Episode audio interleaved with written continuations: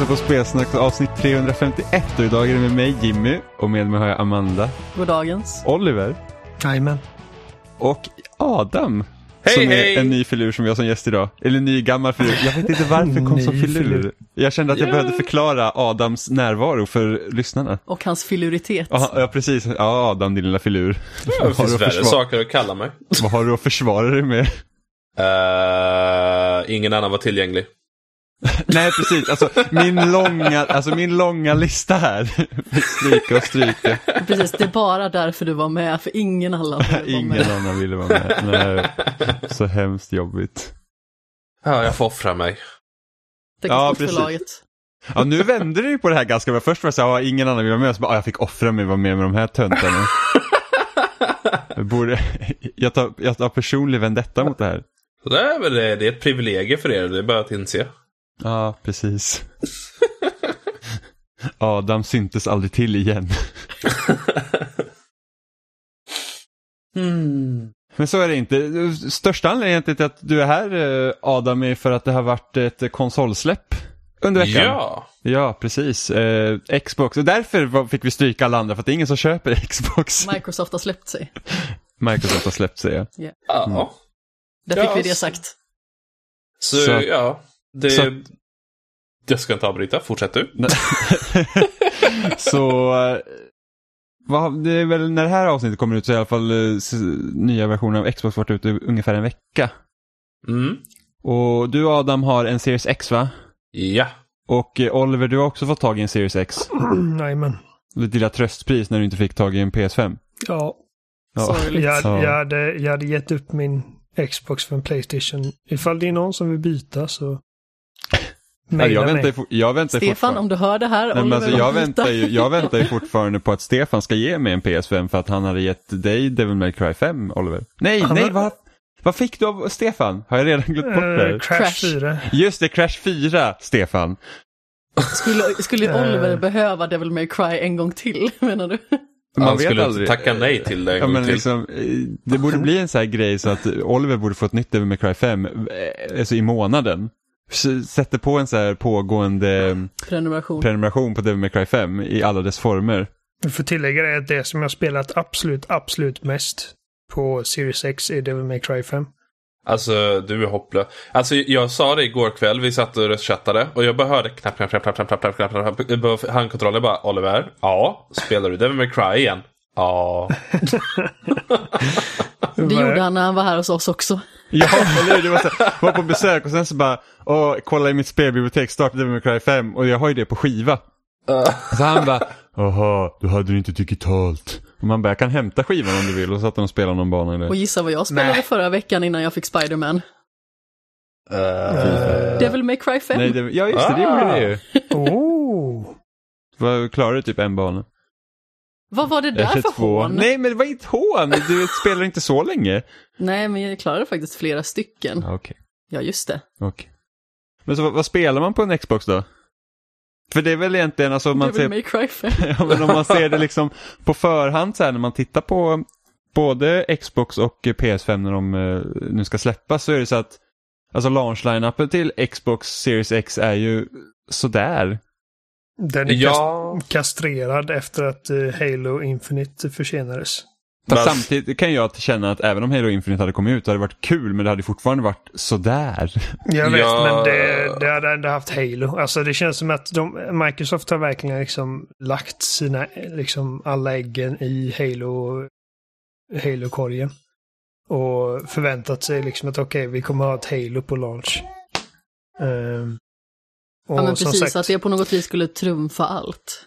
Ja, men alltså för Xbox så, ganska hårt. så gör det ju det. Alltså, det, Halo är... Det är ju deras liksom största... Eller ja, alltså jag vet inte ifall det är det som säljer bäst längre, men alltså rent kulturellt så finns det ingenting som är större för Xbox. Jag tror Gears 4 och 5 sålde mer än Halo 5. Men jag, jag är Ja. inte 100% säker men, men alltså Halo är ju deras största serie. Ja. ehm, men och, alltså, som sagt, som jag, jag har sagt det här flera gånger nu, liksom, för Halos skull så är jag glad att det försenas. Men för Xboxens skull så ser det rätt dåligt ut. Så det man spelar är, det är typ Assassin's, eh, Assassin's Creed Valhalla. Mm. Som också finns på Xbox One. Ja. Eh, eller Yakuza Like a Dragon. Eh, som också finns på, jag vet inte, det går också att spela på Xbox One tror jag. Ja. Ja. Och PC. Eh, och PC. Jag tror, inte, jag tror inte det är ett, ett enda spel som släpptes samtidigt med Series X som inte går att spela på Xbox One. Nej. Mm, nej, det stämmer nog fan. Vilket också styrker min, eh, inte teori, men liksom min känsla någonstans att det blir lite mer som en uppdatering. Alltså jag vet att många snackar där ute om att Playstation 5 också har samma sak där med att det finns väldigt många spel som går att spelas på Playstation 4 och att det egentligen absolut inte skulle vara en stark launch från P- Playstation 5. Men Xbox har ju nästan ingenting att komma med. Sedan Halo liksom sopades iväg till eh, minst ett år framåt så eh, blev det ju extremt skralt. Ja, Alltså, det finns ju liksom nästan ingen spänning där, så oh, hur ska det kännas med de nya titlarna, utan det är mer så här, ja, hur ska våra gamla titlar kännas? Alltså det är lite samma känsla som man hade när man köpte en One X. mm. Ja. Men One X var de i alla fall sådär, ja men det är ju en halv eh, generations uppgradering. Mm. Så, här ska det i alla fall kännas som en ny generation. Så där har Microsoft misslyckats en del med att få det att kännas distinkt. Det är också, när jag kopplade in min Series X så var det liksom, ja, ah, plugga in, starta upp. Ja, väldigt snabb uppstart med deras app förresten. Den trevligaste upplevelsen jag haft än så länge. Um, så liksom, ja, ah, det är exakt samma menyer som One X. Wow, ja, det för här det kom, är nytt. ju, det kom ju en uppdatering för någon månad sedan eh, Ja. på Xbox One som gjorde att man fick det liksom nya gränssnittet. Som Ja. kommer vara på Series X. Mm. Eh, och det är väl också en grej som jag kan tycka är ganska tråkigt för att de har inte gjort några större förändringar alls. Nej, de har typ några animerade bakgrunder. Ja, för att Det det är typ det. Jag hade ju hoppats liksom typ att de skulle ändra massor i- för achievement-systemet. Till exempel så att man, de, man delar upp basspelet och DLC och liksom kan kategorisera upp det så att man får bättre överblick.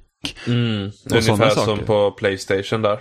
Ja men precis, det är ju typ det jag gillar bäst med Trophy-systemet. Det är verkligen så att om jag köper ett nytt spel som har massa DLC så kan jag liksom redan på en gång se vad som hör till det jag faktiskt har och Ja. det som jag kan köpa så att det liksom inte så att man liksom måste gå in på en typ en extern app för att se att Åh, den här är en achievement som jag skulle vilja ta. Så bara, nej det kan du inte för den hör till någonting jag inte äger. En sak som jag tycker är frustrerande just med trophy-systemet, det är liksom den procenten som ligger kvar på utsidan.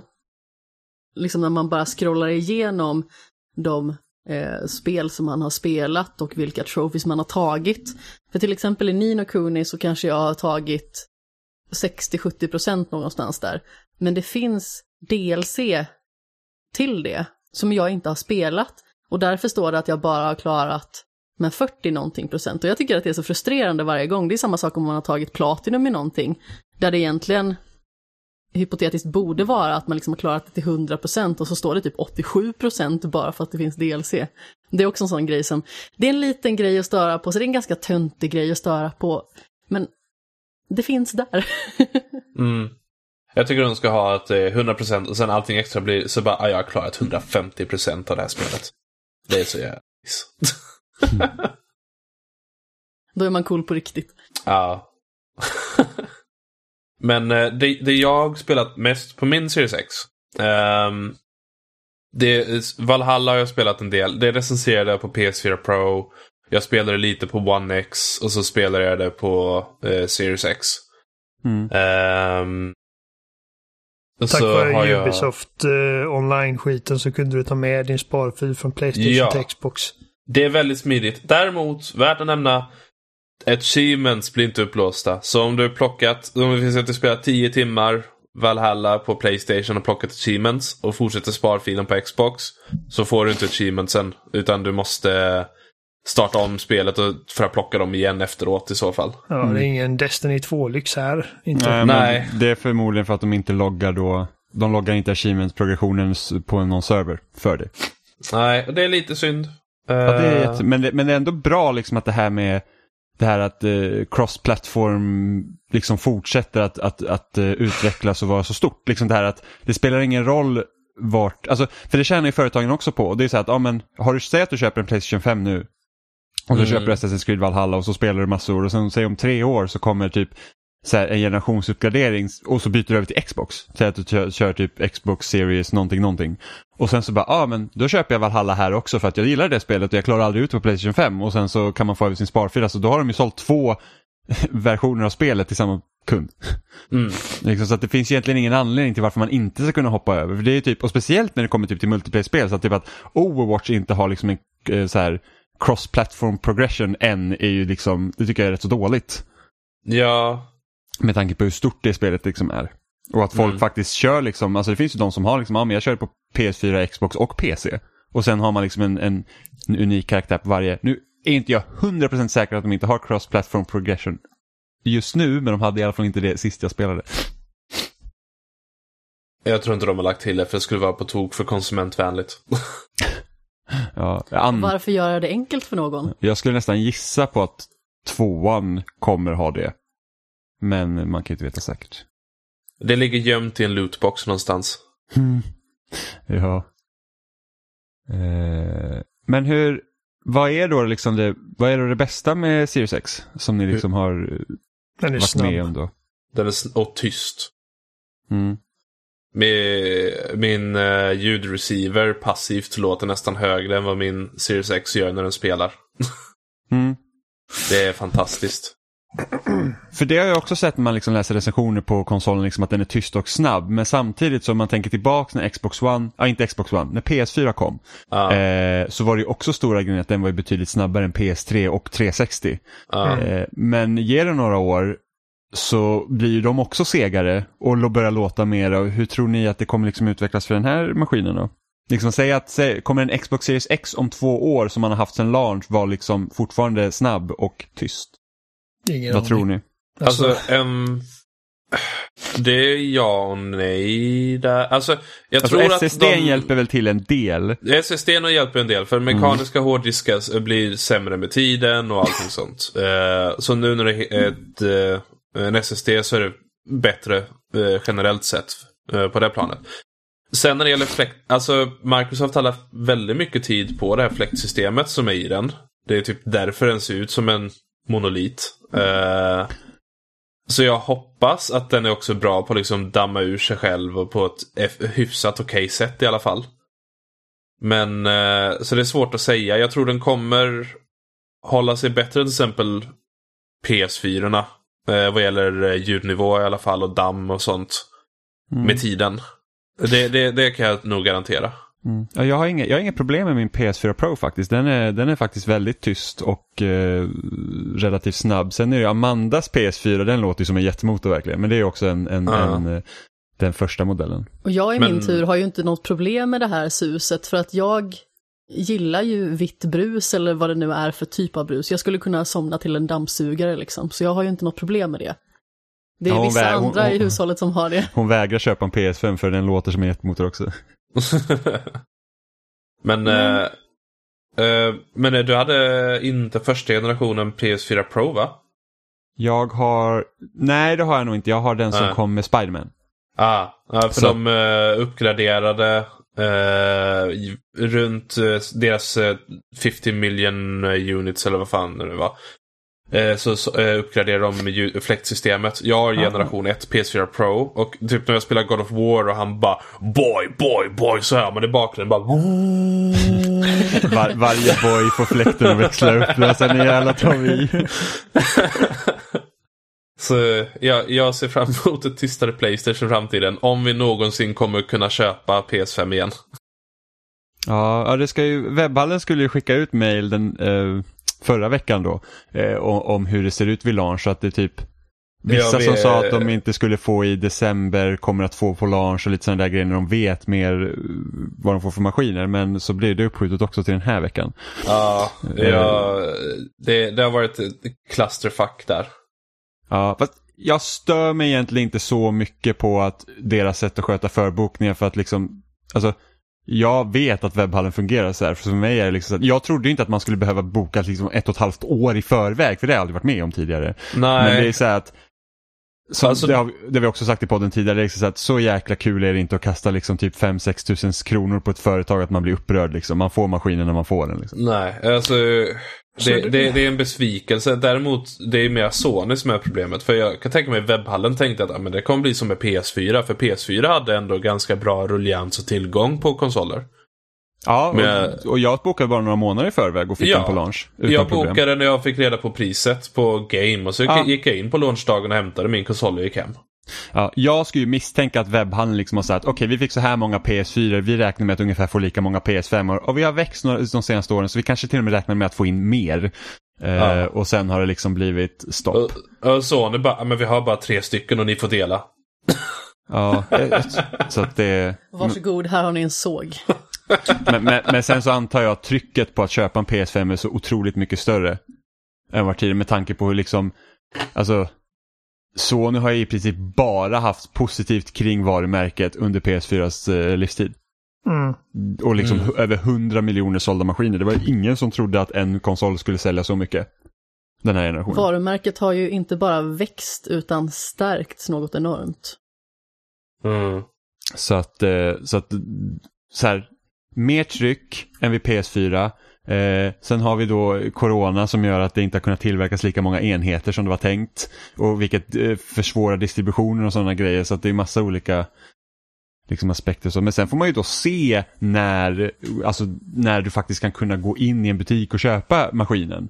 Ja. Alltså, jag kommer ihåg när, när Wii kom, så den kunde du typ inte köpa på två år och bara gå in i en butik liksom och, och, och bara säga att ah, men jag ska ha en Wii, det är liksom bara ta den. Utan det var verkligen så att när de kom in på hyllorna så försvann de ju lika fort. Det var ju ett så tag med eh, Nintendo Switch också. De bara försvann eh, snabbare än vi fick in dem.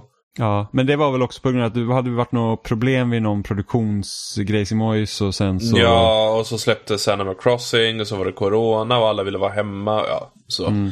Så det var ett tag där det bara, eh, Nintendo Switch bara poff, borta i flera månader. Ja, det var ju under en väldigt lång period som det var extremt hög efterfrågan. ja, jag vet men typ, jättemånga på eh, både liksom sociala medier och i liksom jobbsammanhang också som hade beställt en. Men de kunde liksom inte få något datum kring när den skulle anlända utan det är verkligen så här, ja men den kommer när den kommer. Men, men det är Ja. samma det här spelet Ring Fit Adventures som de släppte. Det går ju inte Ja. att få tag på.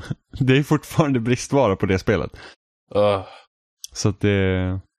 Samtidigt, jag har, jag har liksom inget problem med att man inte liksom typ massproducerar någonting heller så att det blir kvar på massa typ eh, butikshyllor utan att det liksom, det finns så att det täcker behovet. Ja, men precis, Ja. hellre att det faktiskt tar slut och att man måste göra ett aktivt val utifrån det snarare än att det liksom ligger ett extremt stort lager världen över. Inte som när THQ skulle göra det här jävla WeDraw-spelet eller någonting sånt som Mm. sålde med en ritplatta som ingen köpte så de gick typ i konkurs på grund av det. alltså på mitt dagjobb, vi har dussintals och åter dussintals exemplar av Battlefield 5 liggandes. Åh jaså? Ja, ingen Vi bara köper det. sprinklar dem över alla som kommer in, bara här, ta lite Battlefield. Alltså Ja. nästa, vi hade en stor jävla korg stående i butiken med bara PS5, eh, med, med bara Battlefield 5 till PS5. Bara, bara snälla köp! Så Vi betalar er för att ta dem. Jag eh, smugglar ner i folks kundvagnar och väskor och skit. Men det är väl sådana spel också som jag kan tänka mig att många köper digitalt och sen när det finns på EA Play då finns det ingen anledning, alltså prenumererar du på den tjänsten så finns det ingen anledning att du köper Det blir ett bara exemplar. Svårare och svårare att sälja det. Plus att Battlefield 5 var ju en flopp när det kom. Typ. För Ja, alltså- folk var arga på det. Ja, men alltså jag tror att de hade hela, jag vet inte riktigt varför, alltså jag tror att det största problemet med Battlefield 5 är att man behandlar det som ett semispel som tjänst. Uh, man, man liksom gör varken bu eller bä och jag tror inte att liksom, det passar inte för Mm. Battlefield. Att, att, inte så som det ser ut just nu att, att göra på det sättet. Det är liksom, man kan inte slänga in ett Battle Royale-läge tre månader in i spelets livscykel och tro att folk ska vara jättepeppade på det. Eller liksom att vi har bara typ tre lägen i spelet från början och liksom och sen så typ ett, ett läge som Rush får då vara med liksom som en, liksom ett event någon gång ibland. Ja, det, och det är liksom, ah, sen också väldigt flummig ton och presentationer och visade spelet med en trailer som folk inte riktigt förstod hur de skulle tolka och sådana saker. Ja. Ehm, så det var en clusterfuck. Jag ser fram emot Battlefield nästa år. När det kommer till eh, Next Gen och sånt. Ja, alltså det låter ju som att, ja, det lilla vi har liksom fått höra om nästa Battlefield är ju det att, liksom att ah, vi ska göra liksom krig på större skala än någonsin förut. Så det är ju frågan om då de kommer öka spelarantalet. 65 spelare. Ja, precis 65. det är så här, en, en, så här, det, det, det är liksom eh, 32 på ena sidan, 32 på andra sidan. Så är det en person i ett eget lag någonstans i mitten så här, som försöker göra Eh, men liksom så här, ah, okej men hur skulle ett Battlefield se ut om det är över 100 spelare till exempel? Så kör 50 spelare på varje lag. Eh, hur hade det sett ut? Eller liksom varför inte ha Conquest med tre olika lag? Det hade ju varit någonting som skulle kunna förändra det ganska stort liksom. Ja, det ska bli spännande att se. De kanske kommer med Levolution 2.0. Ja, nej. Oh. Jag, jag hoppas ju bara att, att det liksom blir, alltså att det inte blir så att de ska göra spel som tjänst av det så att det liksom jag, jag vill spela Rush. Det är liksom det jag spelar mest i Battlefield, det är Rush och så tog de bort det. Ja. Eh, sorry. Obegripligt. Men Ja. eh, om vi går tillbaka till Xbox Series X. ehm, det, någonting som är eh, värt att nämna med Xbox Series X är att ni kommer behöva köpa mer utrymme om ni spelar mycket spel. Det Ja, är- det är väl typ en av de grejerna som jag liksom känner att den, alltså jag kom ihåg när PS4 och Xbox One kom ut eh, och det var bara 500 GB hårddisk och det var bara så att det där kommer inte räcka någonstans. Nej. Och, och nu har liksom Xbox Series X har väl 600 någonting som man kan använda? Uh, Nej, 800. 7 till 800 gig är det. Ja, och PS5 man har 600 någonting. tror jag. 667 eller något sånt. Och Series S har 300 någonting. Ja. Vilket är, helt bis- vilket är helt bisarrt med tanke på att det ska vara en digital maskin. Ja. Det är liksom så att om något borde, om, om det är någon, någon maskin som borde haft liksom mer utrymme i sig så är det Series S. Även om det är såklart en av anledningarna till att de fick ner priset är för att de inte har så stor SSD. Call of Duty Warzone tar ju typ 100, 180 gig. Ja, och, och Eh. åh, det, det, vi spelade lite Call of Duty igår. Det, det, det nya Call of Duty är 130 gig att ladda ner. Och vill man spela Warzone så måste man ladda ner Modern Warfare också. Ah. Så att eh, Eh. du kan i princip fylla din eh, Series X hårddisk med eh, Call of Duty om du vill. Ja. Ehm, Plus att de har släppt en, H- en eh, HD-texturpack på 23 gig man kan ladda ner till, eh, till det på Xbox One också. Mm, jag köpte den där ehm, expansionskortet. Som eh, Ja. Microsoft och Seagate eh, har gjort tillsammans. Ett Mm. litet kort man stoppar in på baksidan som förlänger liksom... Eh, Lidandet. det, ja, precis. Det, var, det är väl en terabyte extra? En terabyte ja. Och Ja. eh, jag åtta spel installerade. Tror jag. Och jag har använt 64% av det redan. Åh herregud, på, på två, på, okej på 1,8 terabyte? Ja. Ehm, Jag har, jag har beställt ett sånt kort, jag har inte fått det än. Jag, har beställt, jag köpte en extern 2 terabyte SSD för gamla spel. Ja. Och jag har förbrukat, jag har installerat, jag kommer inte ihåg hur många men det är säkert över dussin spel. Och jag har förbrukat, jag, jag har installerat 50-60% ungefär nu. Oh, alltså det, det är typ det jag är mest orolig för, för att jag har liksom, jag sitter med 5 terabyte till min, eh, till min One X. Som jag har fyllt. Uh, Och det är liksom så här typ att, och då är det så här, ja visst jag kan ju ta med den hårddisken till Series X och liksom ha gamla spel på den. mm. Men det är liksom så här att, jaha, men så finns det vissa spel jag faktiskt vill ha installerade då som, som blir bättre på Series X och då måste de vara på SSD och det är så att, ja det blir Halo Master Chief Collection, det är stort, jag kanske vill ha Gears 5 där, det är stort, så att det är liksom, ja, Ja, Eh. alltså, eh, men det är också att de spel som blir uppgraderade, de måste man ja, ha på den interna. ja precis. Om, om du inte Eh. vill köra dem i bakåtkompatibilitetsläge då, antar jag. Fast jag, jag, man, jag tror inte man får valet för till exempel Gears. Den, eh, det är Smart Delivery så den säger direkt att du har en Series X, du ska ha den här versionen. Aha, och det är lite tråkigt.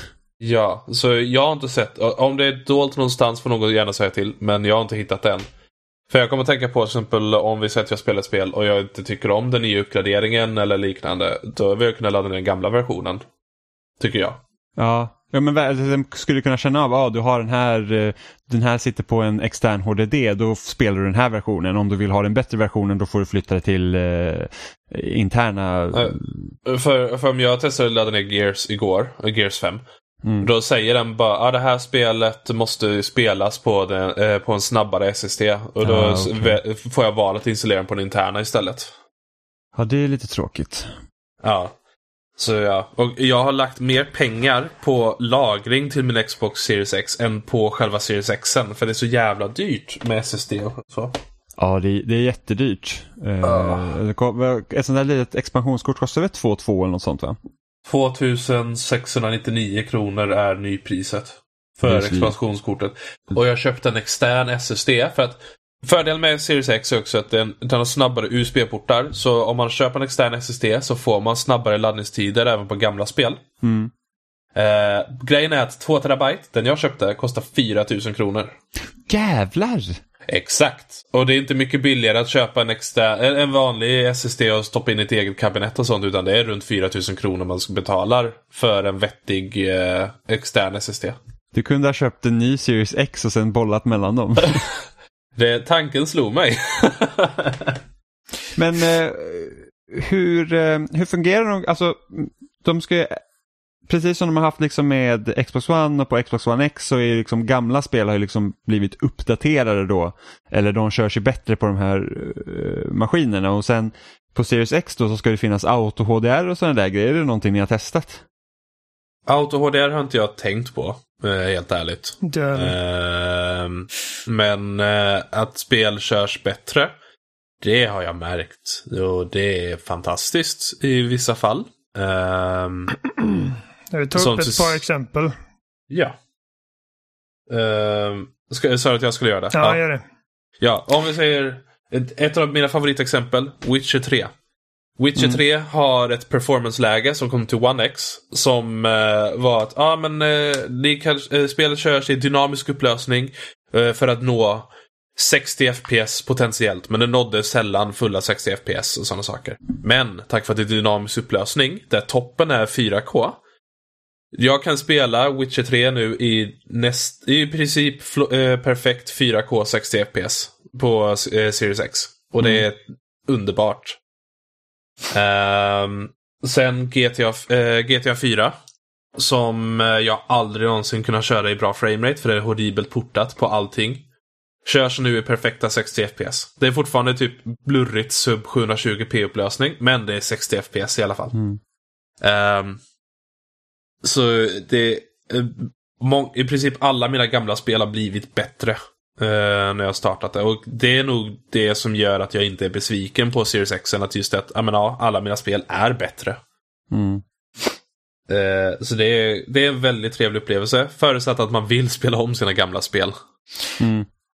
Och det är väl det Ja, som alltså är... Jimmy hade ju jätte, jättemånga installerade spel som jag är helt säker på att han aldrig kommer röra igen. Till exempel Sea of Solitude, som verkligen är ett sådär här riktigt tveksamt spel. Ja, det kommer jag förmodligen aldrig spela. Nej men precis, och du gick igenom dina och bara så ja ah, men jag vill ju ha alla installerade. Ja, men Och bara, jag det här är vill- mög, ta bort Jag det. vill egentligen ha allt installerat för då vet Det här är en sak som jag undrar i och för sig, jag vet inte om, om, om ni kanske kan svara på det, men, men hur blir det när man tar bort Game Pass-spel? Då dyker de väl inte upp i ens bibliotek längre? Då är det precis som du aldrig har haft dem, eller hur? De syns inte i ens eh, vanliga bibliotek. Nej, Nej. precis. Jag skulle, jag skulle nästan vilja ha en, liksom en flik det är så här typ att om man går in i sin game collection, ja det här är de spelen du faktiskt har spelat på Game Pass. För att om jag raderar ett Game Pass-spel och sen tänker jag, ja men jag raderar det nu och sen vill jag spela någon gång igen. Men så glömmer man bort att man har spelat det.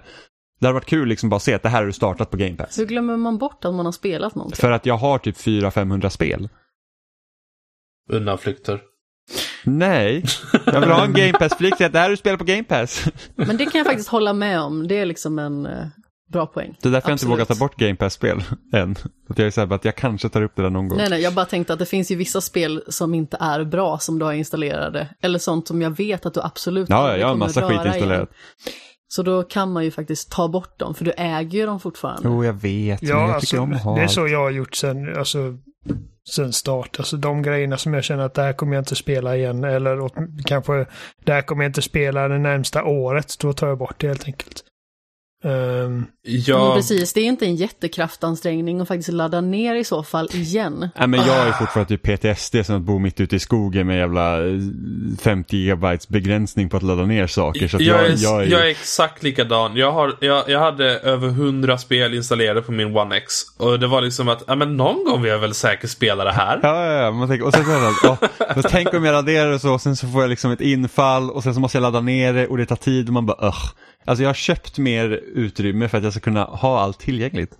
Ja, jag, jag, jag håller med Jimmy här. Det jag är likadan. var en grej som Adam sa som jag reagerade på. Du sa att, eh, jag, att du inte är besviken på din Series X. Och det är väl lite så jag känner också. Att liksom jag ångrar inte mitt köp. Eh, trots att det är en ganska osexig liksom Next Gen-maskin. I alla fall i november 2020. För att mm. den har inte liksom det exklusiva utbudet. Eller alltså inte ens exklusiva. Det har inte ens utbudet till maskinen. Um, Nej, utan... det blir ju ganska paradoxalt. Man liksom så här, vi har den starkaste maskinen liksom på marknaden och sen ja. kan man liksom inte riktigt visa upp det. Nej. Det, alltså, det där betyder verkligen ingenting just nu. Så det är alltså... For all we know så... Eller fel uttryckt i och för sig. Vi vet ju att Series X är generellt starkare än Playstation 5. Men Playstation 5 har just nu liksom ett bättre um, track record med att liksom visa upp vad typ så här Next Gen grafik innebär. Alltså Spiderman uh, Miles Morales på PS5 ser så fantastiskt ut. Ser, ja, sen, ser sen känner jag väl... perverst ut. Alltså främst kontrollen är ju liksom en stor grej. Ja, och ja. Det, kontrollen har vi inte rört vid. Alltså den, den, den känns som en bra Xbox-kontroll, men annars, det är fortfarande en Xbox-kontroll. Uh, mm. De har liksom inte hittat på några nya coola funktioner. Liksom, den största förändringen är att de nu har lagt till en dedikerad share-knapp. Uh, vilket... Alltså, det har funnits på PS4 sedan 2013, så att det är inte heller liksom så här typ, åh gud, det här är liksom... Det är ingen uh, revolution direkt. Nej, the next thing liksom. Um, den har uh, så här räfflad baksida och räfflad yta på bumpers och uh, triggers.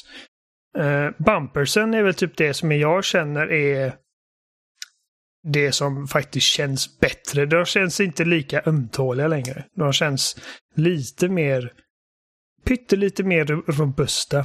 Uh, jag inbillar mig att kontrollen känns lite mindre också. Ja, den är lite mindre. Ja, det är liksom, alltså det är inte mycket mindre. Det, det är liksom procentuellt mindre.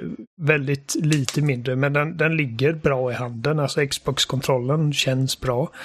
Um, men uh, igen, liksom, alltså det är typ, okej, okay, det, här, det här är liksom exakt vad du känner till redan. Och uh, D-paden har de ju ändrat lite grann. Men den, den är fortfarande liksom, alltså... Jag är ganska neutral till den.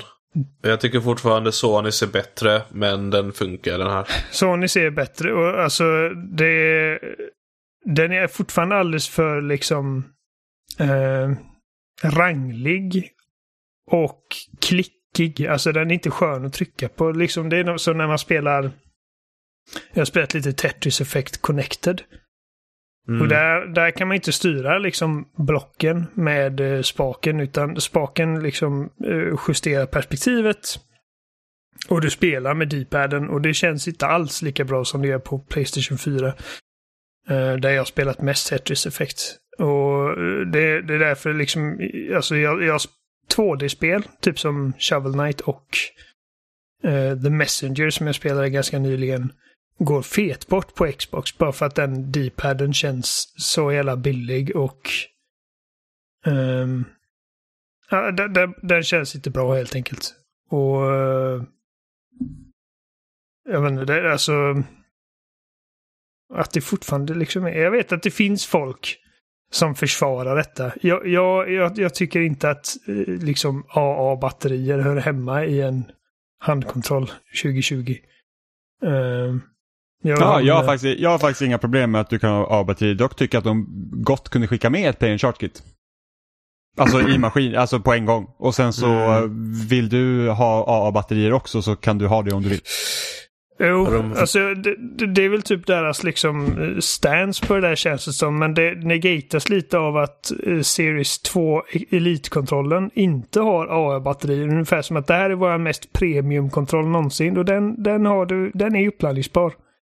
Mm. Eh, Jo, men vilket- den kostar också 2000 spänn. Jo, men det kostar inte 2000 spänn för att den har uppladdningsbart batteri. Eh, Nej, men jag kan tänka mig att den där jävla plattan den kan ladda på är dyr. Jo, det är den. Men, alltså, eh, men det är liksom extra, använder. det är extra fluff. Liksom. Alltså alla kontroller idag. Mm. Eh, Liksom, till och med på liksom, Nintendo.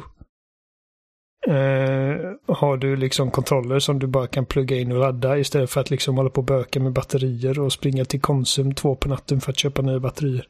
Alltså en fördel är väl att man inte behöver oroa sig för att batterierna blir dåliga. Eh, eller behöver liksom öppnas och bytas och sådana saker. Det är väl en fördel antar jag. Jag förstår och jag vet att alltså, jag, jag känner folk som fortfarande liksom dör på den kullen om att jag vill ha AA-batteri. Typ Mäki. Jonas Mäki är en sån som, som fortfarande vill ha AA-batterier. Eh, jag eh, är inte överens med det. det. Det får det att kännas liksom billigare än vad det behöver vara. Jag fick ett sånt här stort uppladdningsbart batteri i julklapp något år faktiskt. Ja. Alltså nu har eh, jag två play charge kits hemma så att jag Ja, liksom... f- funkar, funkar de uh, plain charge kitten som man har till Xbox One-kontrollerna? Ja. Funkar de på de nya? Ja, men det är. Ja, eh, de har Eh. släppt nya Plain Charge Kit där det medföljer ny USB-C-sladd. Mm. Men i övrigt så är de samma. Precis. Ehm, Och det är bra.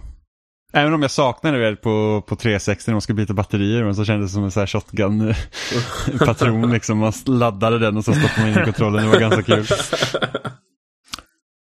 Eh, what else? En annan grej jag tänkte på igår, liksom okej, det är jävligt nice med liksom snabba laddningstider och att liksom snabbt komma in i sina spel, men det, det negatas lite också av ehm, att varenda spel har liksom så här massa unskippable logos och grejer när man startar ett spel.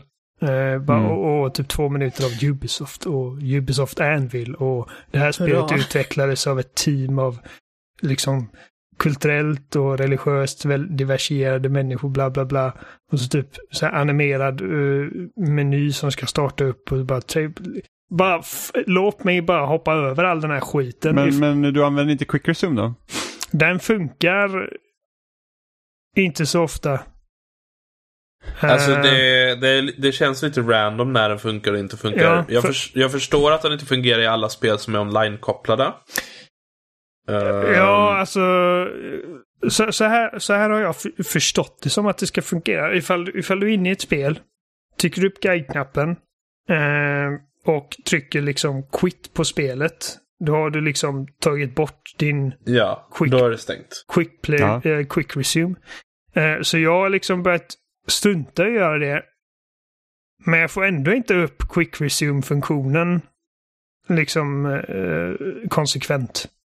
Jag förstår Mm. liksom inte riktigt. För att det, det är en jävligt trevlig funktion när det funkar. För att när det funkar, det vet man genom att liksom, när man trycker igång spelet så får man ju liksom den här typ, vad ska man säga, wallpaper-liknande grejen. Du Mm. vet, som tar upp skärmen. Och så uppe i hörnet så dyker upp lite quick resume-logga. Tre sekunder senare så pang så kommer du in. Du är inne i spelet. Eh, men alltså det är kanske... Alltså nu, nu, nu, nu har jag inte tagit fram liksom, gjort några liksom ordentliga... Jag har inga data på detta, men det känns som att för mig har det fun- fungerat ungefär en fjärdedel av gångerna. Mm. Eh, så att så, så, sånt stör en lite för att nu, liksom, nu, nu är man beredd på liksom okej nu, nu hela den här skiten med att jag liksom ska behöva ta upp min telefon. Eller behöva. Det är liksom när man, när man har en laddningsskärm eller någonting när man startar ett spel. Att man tar upp telefonen och kollar Twitter i två minuter. Eh, att liksom den tiden är över, men den är inte riktigt över för att du har all den här skiten. Det är så quick resume som inte liksom alltid vill starta av någon outgrundlig anledning. Eller att spelet har massa jävla logos och skit som man måste kolla. Um, däremot är det jävligt skönt att kunna fast-travla i Assassin's Creed Valhalla liksom på typ tre sekunder. Oh my god, Ja. för att det är typ, det är typ så här en och en halv till två minuter när man gör det på Xbox One. Ja. Mm. eh, Eh, men, men, men jag tänkte bara det här med, med eh, med quick resume, en sak som jag också sett rapporteras om som är lite, det går liksom lite emot Alltså, det känns som att maskinen liksom slåss med sig själv. För att som det fungerar nu på Xbox One till exempel, att har du igång ett spel så, ladda, så är nedladdningshastigheten mycket sämre. För att man, Ja. liksom, Ja, man, man, ser till att, man ser till att resurser inte går till eh, nedladdningen istället för spelet. Speciellt om man spelar online till exempel. Precis. Eh, och, och, och så hela grejen med Series X är att ja, vi har quick resume, du kan typ ha åtta spel igång samtidigt och bara switcha mellan dem. Och det gör ju också att nedladdningshastigheten försämras.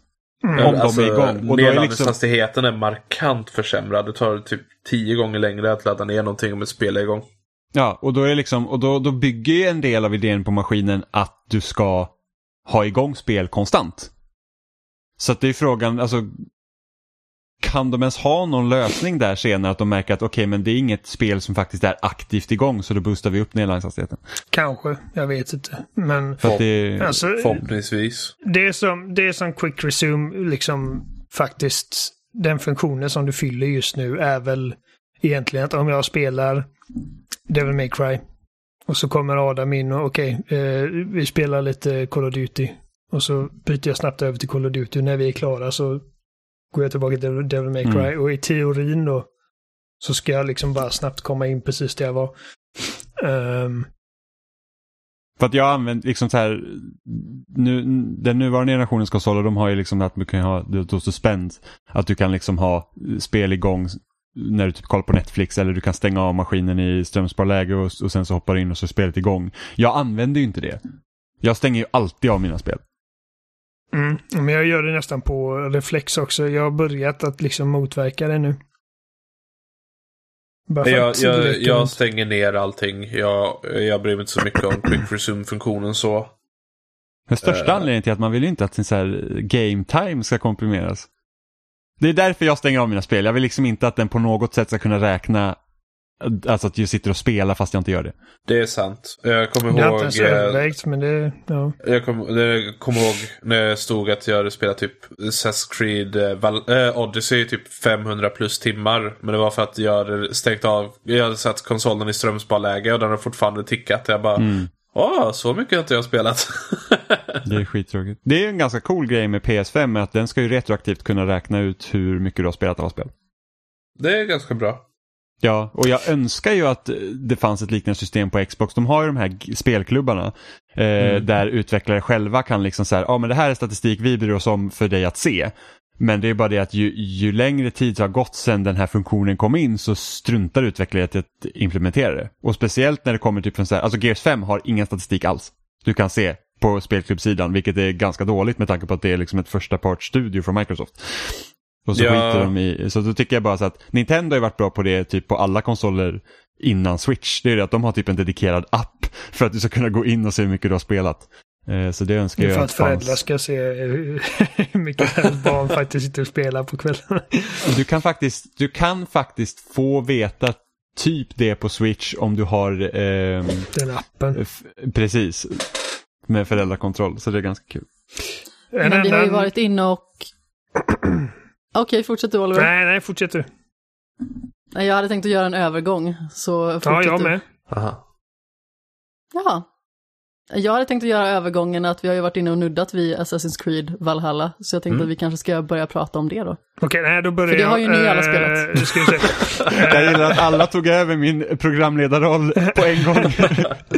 Eh, jag, vill bara jag vill bara snacka lite om raytracing. Uh, Ja, Eh, För att eh, det är liksom också en, en liksom ett stort buzzword med nya generationen. Inte bara på Xbox utan även på Playstation. Bara raytracing hit, raytracing dit.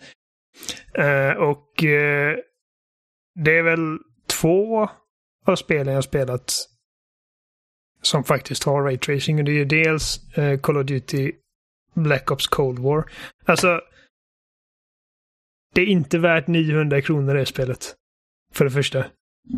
Nej. Eh, jag tycker Kost, allmänt, kostar basspelet 900 spänn? Ja, för Next ifall- Gen ifall du ska kunna 875 spela- kronor. Ifall du vill ha det Series X Enhanced eller vad man ska säga.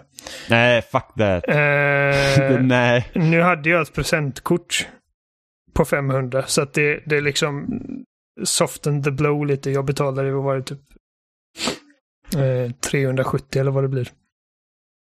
Jag hade tur att få igenom redaktionen, annars hade jag aldrig köpt det. Ja.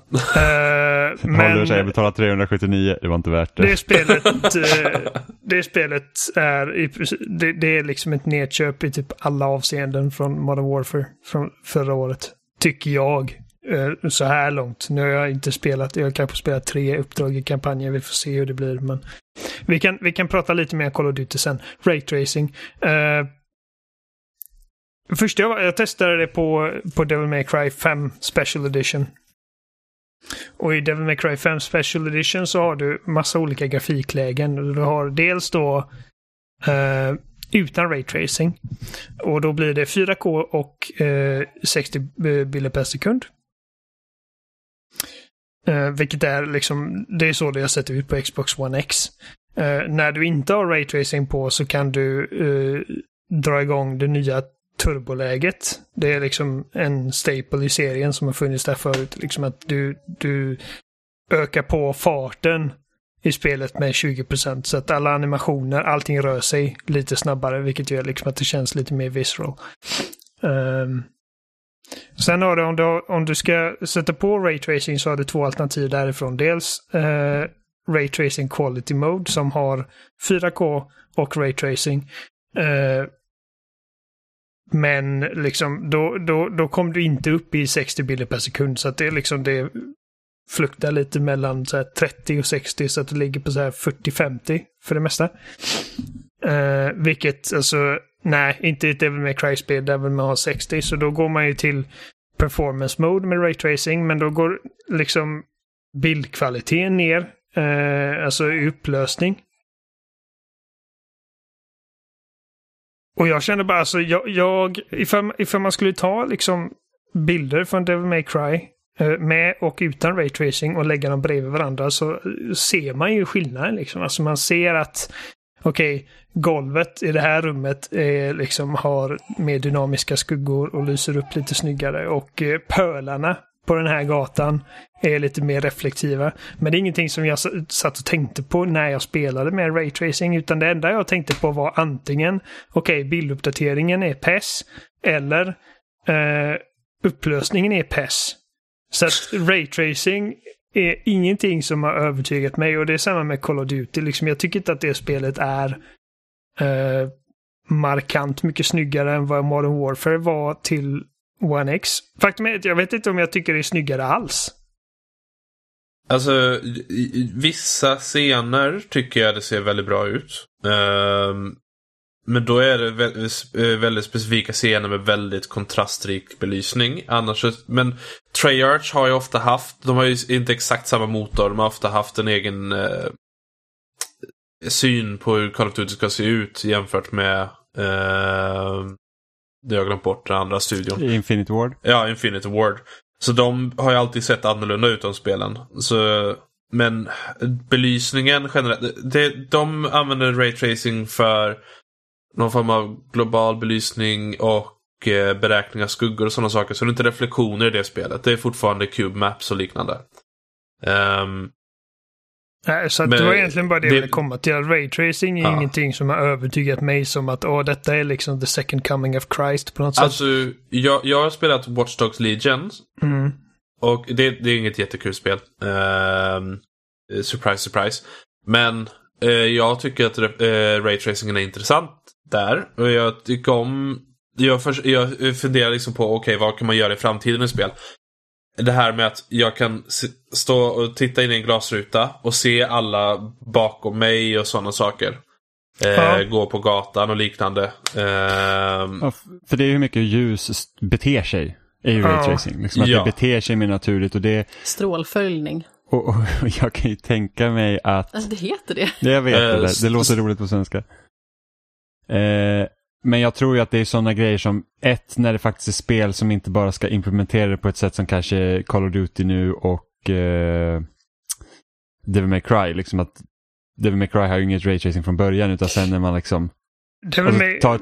Devil May Cry 5 behöver inte raytracing. Det, Nej, men tänk ta, ta, ett spel, ta ett spel som typ uh, Spiderman Miles Morales eller när GTA 6 kommer eller när raytracing-uppdateringen, alltså när Minecraft kommer ha raytracing by default. För att det är typ när man har sett videos på raytracing så är typ Minecraft-videon den jag tycker är typ mest imponerande. För det är liksom det är, alltså, det, det, det är ju alltså, jätte, jättestor skillnad liksom bara hur ljuset liksom studsar i grottor eller hur ljuset liksom lyser igenom objekt för att det ser liksom mer som det bör göra. Ja. Mm. Alltså det är typ Det- som att när du sätter din hand vid en stark lampa och du kan liksom se ljuset skina genom handen. Liksom. Mm. Det är typ Och så det- det fungerar med vissa block. Och det är liksom all well and good i teorin. Och eh, jag tycker att det jag har sett av Miles Morales med raytracing är ganska coolt. Att man kan se liksom reflektioner av inte bara Spiderman utan även liksom alla pedestrians på gatorna och bilarna som kör förbi i liksom skyskrapor eh, med reflektiva ytor. Eh, Och även liksom i lacken på bilar när man swishar förbi. Det är jävligt coolt. Mm. Så att där, där är det ju liksom implementerat på ett snyggare sätt. Jag kan tänka mig liksom som du sa i GTA, liksom ifall man har en stor stad med mycket liksom reflektiva skyskrapor och grejer så kan det bli coolt. Mm.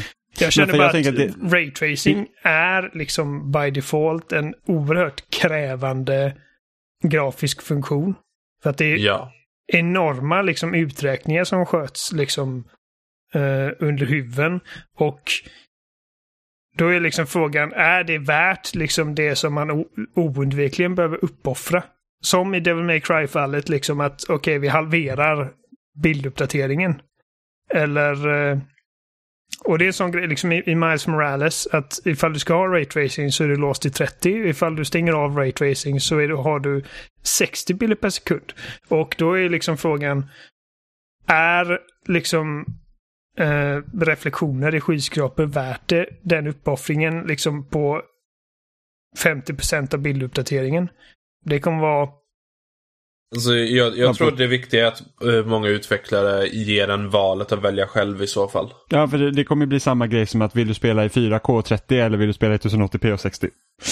Det är Ja. lite det hållet. För att, för att jag kan ju tänka mig att Även om raytracing kanske inte ändrar liksom i, i grunden hur man ser på spel så kan jag tänka mig att det blir lite som när HDR implementerades. Liksom att det, det är att sen när det inte finns där, det är då man märker det. Mm. Det är bara, oj möjligt. vad konstigt det ser ut. Så att det är liksom att det, det, det är liksom små förbättringar som kommer liksom att, att, att, att eh, det, allt ser trevligare ut helt enkelt. Mm. Ja, det, alltså, grejen med mig är att jag sitter där och liksom är anal och eh, när jag har massa liksom olika valmöjligheter till vad jag vill lägga i kraften. Alltså valmöjligheter är bra givetvis. Men när jag har valmöjligheten då sitter jag liksom och känner att oavsett vilket läge jag väljer så sitter jag och känner hela tiden att det är någon grej jag går miste om. Du vet. Du kan inte vinna. Precis, jag, jag kan inte vinna. Det är pest eller kolera. Då Eh, borde du spela på PC Oliver. ja, men, Då får du Där du kan allt. ha allt. Nej, men alltså man kan alltid ha en starkare dator. Det är liksom Jo, jo, men det är bara att köpa det bästa direkt så har du Ja. ja. bara Istället, liksom... för att, istället för att slänga 2000 spänn på så här expansion-kort till din dyra maskin så kan du köpa ett dyrt grafikkort istället. Ja. Ja, gud. Gaming alltså. Jag stod i kö till ett RTX 3080, men sen sa de ah, vi vet inte när du kan få det, då avbokade jag. Ja, ja nej. Vi kan... Uh, ifall ingen har någonting mer att snacka om och säga alltså, om raytracing. det, så, det, det är ni två som har Series X. Så. ja, eh, Eh, Men- jag, jag tycker om raytracing så jag ser fram emot att se vad utvecklare kan göra med det i framtiden. Det är typ det. Mm. Men vi hade ju också spelat eh, ett nytt Assassin's Creed. mm.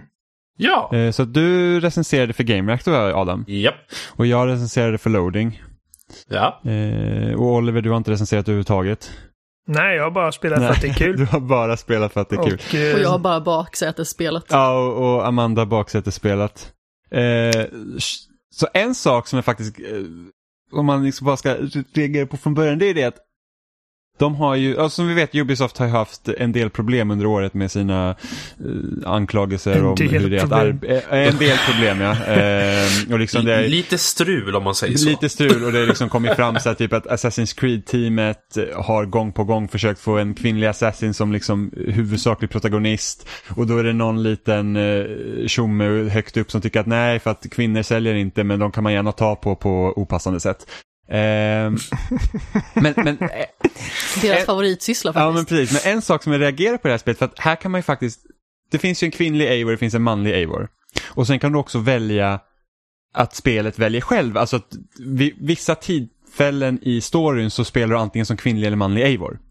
men du vet liksom inte när. Det, Eh, och igår så såg jag en, vad ska du säga Oliver? eh, vad säger, jag, de har gjort det så jävla... Alltså de har verkligen gjort det tydligt vem som är the canon Eivor i det här spelet. Ja, men det var ju samma med Odyssey. Cassandra är liksom canon-hjälten i Odyssey. Det, har Ja. liksom, det har de bekräftat efter det och även, och då är det så här, Alexios var på framsidan eh, och, och de flesta spelar som den manliga karaktären.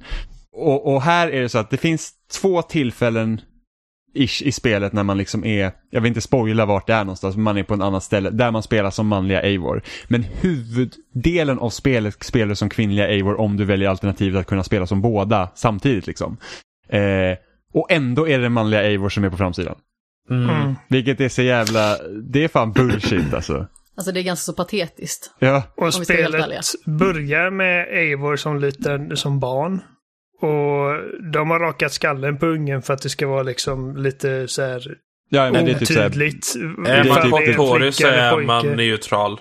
ja men det, det är typ The Dark Knight Rises liksom. Ja, Ja. men man Det var det hör första jag tänkte liksom, på. alltså det där är en tjej, det där är en flicka. Och ifall du väljer liksom, man får välja, Hon väljer den manliga Eivor så den där barnet har värsta så här basrösten. Daddy.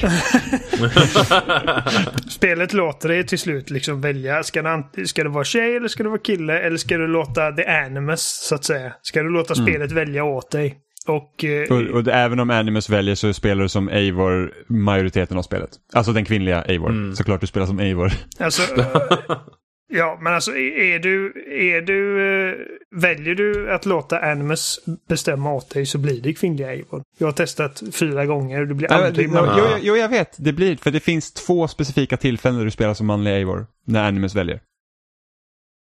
Jaha, okej. Jag antar att du inte har kommit dit än. Jag vill inte spoila Nej. vad det är för någonting. Jag valde manliga Eivor. Eh, Okej, jag valde från kvinnliga. Eivor. Jag valde också kvinnliga Eivor. Eh, för att jag... Det är den här liksom typ power fantasyn med typ en, en liksom skäggig, hårig karakar-viking som jag ville liksom uppfylla.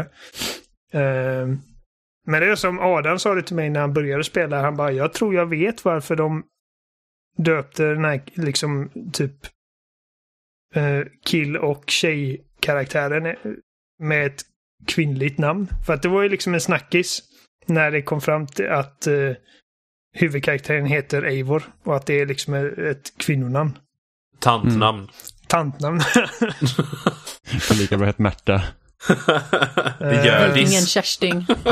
Så det här känns som att det är liksom typ utvecklingsteamet som bara, alltså vi, vi, vi- gör ett Assassin's Creed, alltså bruden här är våran assassin. Uh, allting vi, vi, vi, vi pekar mot att det är en kvinna på liksom alla sätt vi bara kan. Vi har ett kvinnas namn, vi har en liten flicka i början och när du låter oss välja göra beslutet åt dig så blir det en kvinna. Men ändå förnekar vi det in i döden. Men är liksom någon snubbe, typ Yves, Yves Guillemot säger att det måste vara en snubbe på framsidan så att vi måste ha valet där. Det sjukaste är ju att Assassin's Creed-teamen har försökt få en kvinnlig protagonist ända sedan Syndicate att vara liksom den primära. Syndicate så hade det ju de här eh, syskonen. Mm. Eh, och det var bara meningen att den kvinnliga karaktären skulle vara spelbar. Eh, I Origins så var det inte Bayek som skulle vara huvudkaraktären utan det var hans fru. Och hans fru var Eh, mycket i- coolare.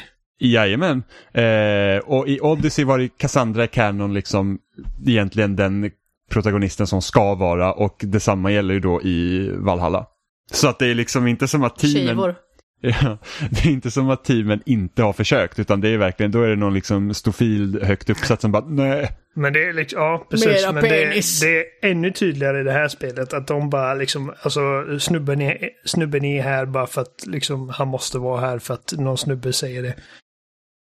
Men eh, alltså detta är, detta är Eivor. Eh, Ja men alltså det är så himla fånigt tycker jag att de liksom inte kan ta ett tydligt ställningstagande utan att de måste liksom peta in manliga Eivor för att någons penis där ute inte ska gråta typ. Mm. Ja men det är på grund av att det är någon jävla bajsglufsare som är högst uppsatt som sitter och bestämmer det. Och det är liksom, och det är ju alltid så kul för det här pratade vi om, jag vet inte om det var förra veckan eller förra, förra veckan vi nämnde det. Men det här med att, det måste ha varit förra, förra. Det här med liksom att, att, att man ser då typ folk då som tycker att oh, men PK-spelutvecklare som bara slänger in eh, kvinnofolk i våra spel utan någon anledning för att det är teamens vision som ska liksom spela roll. Och här har vi då i fucking sex år eller mer till och med har det varit teamets vision av att det ska vara en kvinnlig huvudkaraktär i spelet. Mm. Och då är det en person eller någon högt uppsatt som bestämmer då att nej så får det inte vara.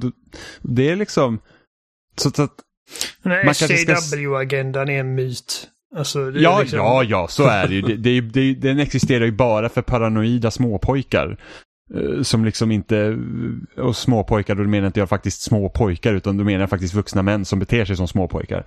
Eh, Eller som idioter om man så vill. ja, det också. Liksom att det är liksom på något sätt om man inte kan spela liksom som liksom någon jävla muskelknutte till man, då är det liksom overkligt eller bajs eller liksom... Så, åh, vad synd det skulle vara om 50% av världens befolkning skulle kunna känna igen sig i karaktären. Ja, men det, det är liksom, det är verkligen, alltså den menbilden är ju så himla accurate den här liksom, oh the two genders, male and political. det är liksom, det, det, det, det, den träffar ju ganska bra liksom, så att det, det, det är liksom bajs. Men, vad tycker ni om spelet så här långt? Ja, det är trevligt. Eh, buggigt. Ja, det, det är janky som fan. Alltså, Jag hade ganska tur när jag spelade. Jag, det känns nästan som att jag hade tur, bra tid med PS4 Pro-versionen. Och sen när jag gick över till Xbox-versionerna, det är då jag bara åh, det är fullt av screen tearing. Och jag börjar märka extra saker. Ja, alltså, och när du- jag vet inte riktigt vad det är när som du pågår där. poängterar det för mig så har inte jag kunnat liksom inte tänka på det. För att, alltså, jag var så upptagen med att liksom vara nöjd över att jag spelat Assassin's Creed i 60 bilder per sekund på konsol. Eh, för att märka det. Och sen så sa du bara fan det är screen tearing hela Adam. tiden. Och jag Ja. bara gud jag har inte märkt det. Och så liksom nu är det typ det enda jag ser. Men det är alltså screen, det är alltså screen tearing även på Series X? Ja, Ja, Ja, för det, det är rätt så mycket screen tearing på One X också. ja. ja. eh, jag, jag märkte det. Jag sa typ One X, uh, One X-versionen dagen innan jag fick hem mitt eh, Series X. Och då var det liksom bara hmm. Det här var, märkte jag inte på Playstation. Jag hoppas det inte finns på Series X. Och så fanns det på Series X och då jag bara åh fan. Alltså jag antar att det är för att Series X-versionen är bara en, wa- liksom en Xbox One-version som är typ uppdaterad. Alltså, Eh. det, det, det, ja, de är ju... Jag vet inte exakt hur det fungerar. Men med Smart Delivery-systemet så är det liksom, okej, det är den här versionen ladda ner. Och det, ja, min gissning är att de helt enkelt tagit eh, och skruvat upp upplösningen och sådana saker. Ökat några inställningar internt. Och sen bara, ah, pusha ut det. Mm. Men ja, jag är... Eh, ja. Men, Men- men utöver skitsamma. buggarna Spe- och ja. screen tearing. så tycker jag det är ganska kul att vara en viking. Eh, jag, eh, jag... Jag beundrar ändå liksom eh, att eh, de har försökt att göra liksom att motverka det här liksom typ checklista-grejen. Även om det fortfarande tekniskt sett är lite av en checklista. Men nu har de istället tre olika typer av prickar på kartan. Som man inte riktigt vet vad det är förrän du faktiskt går dit och undersöker det. Och eh, de har eh, siduppdrag som kallas Mysteries. Och det, jag får säga att det har ändå varit ganska bra variation på vad, vad Mysteries kan vara. Ja, men alltså Eh. speciellt om du jämför med Odyssey där varenda ställe är en checklista. Det är liksom, kommer Ja.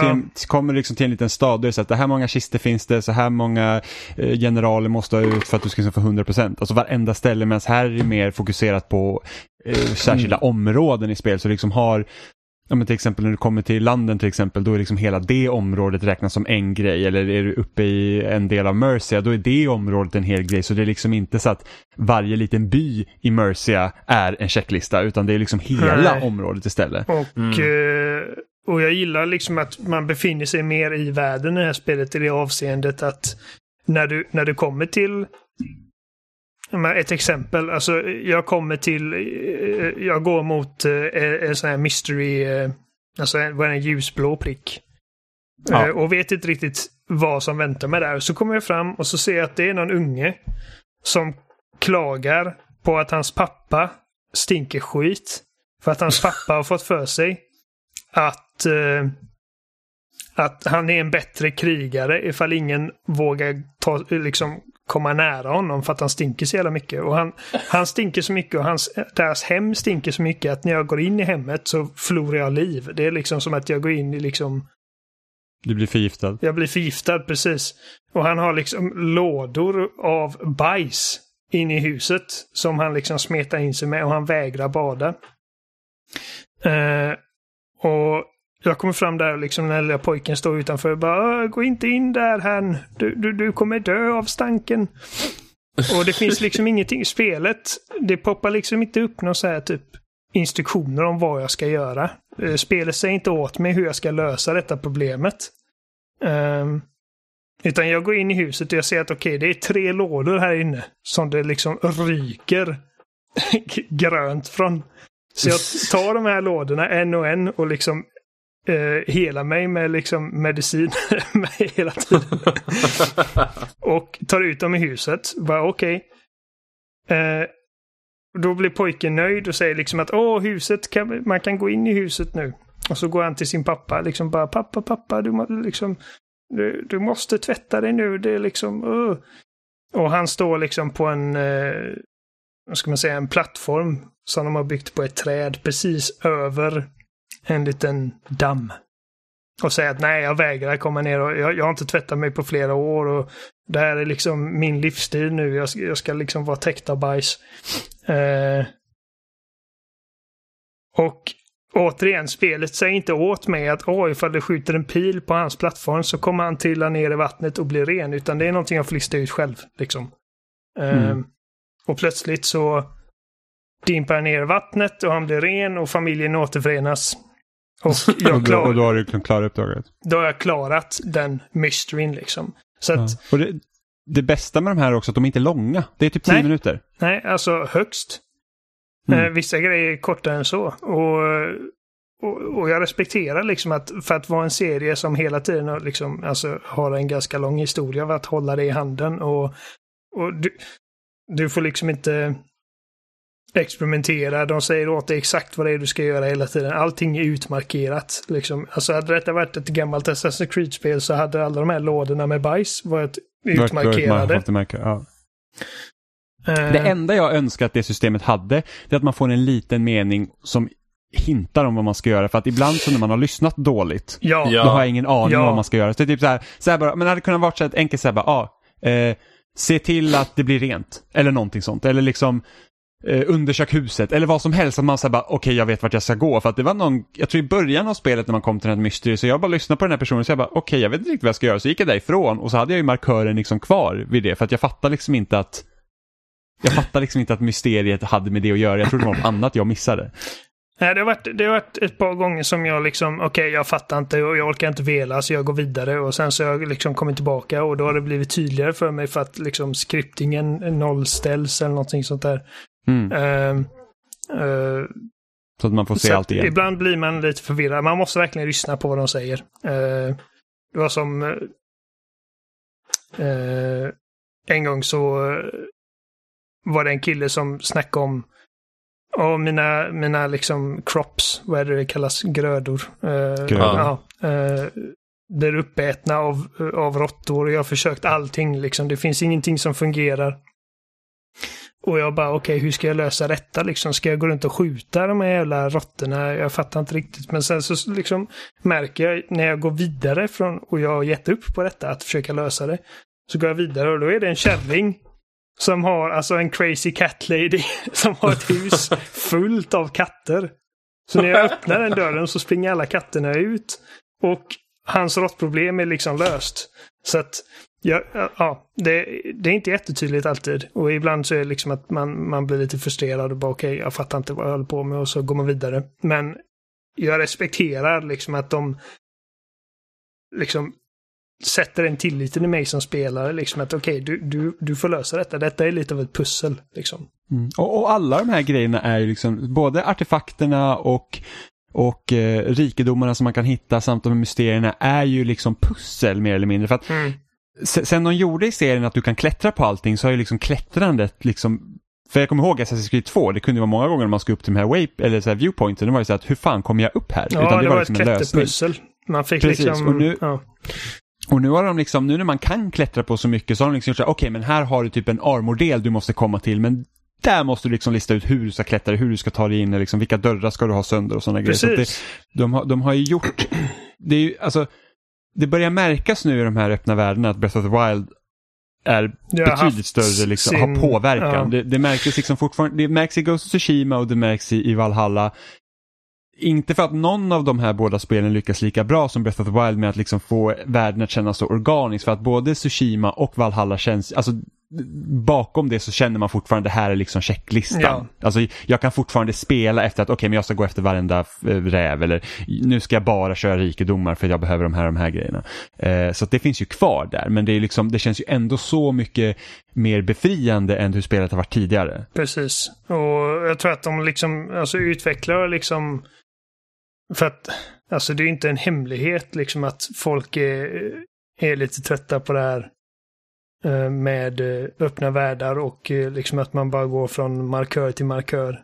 Och eh, de har ju garanterat liksom kollat på hur Breath of the Wild gör det och liksom vad det är som, ska man säga, fångar folks intresse i det spelet. Att eh, Mm. Istället för att du liksom går in på kartan varannan minut och liksom utstakar en väg av liksom bara mundane activities så eh, är själva liksom den, alltså den organiska upptäcktsresan av kartan är liksom mycket mer spännande än att bara liksom gå igenom en lista av aktiviteter.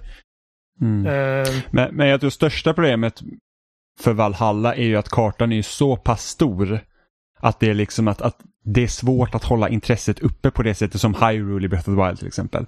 För att även om kartan är stor, alltså Hyrule är stort, så är det inte alls i nivå med Valhalla. Så det gör liksom att, så att det tog mig 50 timmar att klara ut Breath of the Wild.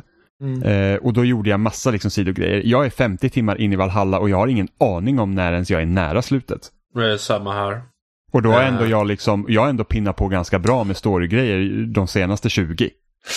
Ja, det är men, fortfarande eh, väldigt dens med grejer. Även om Ja. det liksom, de har gjort, alltså som sagt, jag, återigen, respekt till Ubisoft att de liksom har tagit några liksom välbehövliga steg mot att eh, ta sig bort från checklistan och eh, göra världen mer organiskt, eh, organisk och liksom spelardriven. Ehm, men, eh, men som sagt, det är fortfarande liksom när du, när du öppnar kartan så är det liksom okej, det är mycket prickar här. Och medan det är Mm. spännande att jag inte vet exakt vad alla de här prickarna är för någonting. Så är det fortfarande väldigt mycket prickar. Och, ehm, Mm. och, För att jag, just nu när jag Alltså- spelar, liksom, jag går efter rikedomarna men jag skiter i mysterierna just nu bara för att jag vet att de tar längre tid. mm, Ja, jag struntar i princip helt i mysterierna om inte är för att jag vill ha lite extra XP eller något. Mm. För jag tänker jag gör det sen i så fall. Jag gillar mysterierna. Alltså, det, som det här typ paret man råkade komma, komma in hos i Norge. Och kvinnan klagar på att Åh, min man han, han, han kan inte få upp den längre och liksom vi brukade typ knulla hela nätterna och nu så är vi liksom bara två gamla stofiler och, och, man ska försöka komma på ett sätt att få dem att bli kåta på varandra igen. Mm. Jag tror det sjukaste jag har gjort hittills det var att jag skulle samla ormägg och ge till en dam som var i en Ja, brunn så att hon kunde jag- fisa. Ja, den gjorde jag också. Och, och det är väl så här, det är väl liksom haha kul de här liksom grejerna att man ska liksom så här typ, ja men det är så mycket skit i det här huset att vi måste rensa för att gubben inte vill duscha eller att här ska vi hjälpa två stycken norrmän med eh, sitt sexliv liksom. Men det är så här, det är ju en helt annan ton mot hur huvudspelet, alltså huvudstoryn är. Det är Ja. liksom två helt olika spel. Det ena känns, känns som typ så här Saints Row och det andra är så här typ så här superseriöst liksom. Ja, och det är väldigt rått också. Till skillnad från de här sidouppdragen som är väldigt märkliga, som Ja. är liksom lite så här klia mig i armhålan humor och eh, mycket fisande och sådant. Mm. För det är liksom, och där har de ju också ändrat strukturen liksom så att varje, alltså varje område på kartan då, för att England är liksom uppdelat de här olika, liksom, vad ska man säga, eh, Regioner. regioner, precis. Eh, och varje region har ju sin egen storyline. Som Mhm. sen går in i det övergripande narrativet.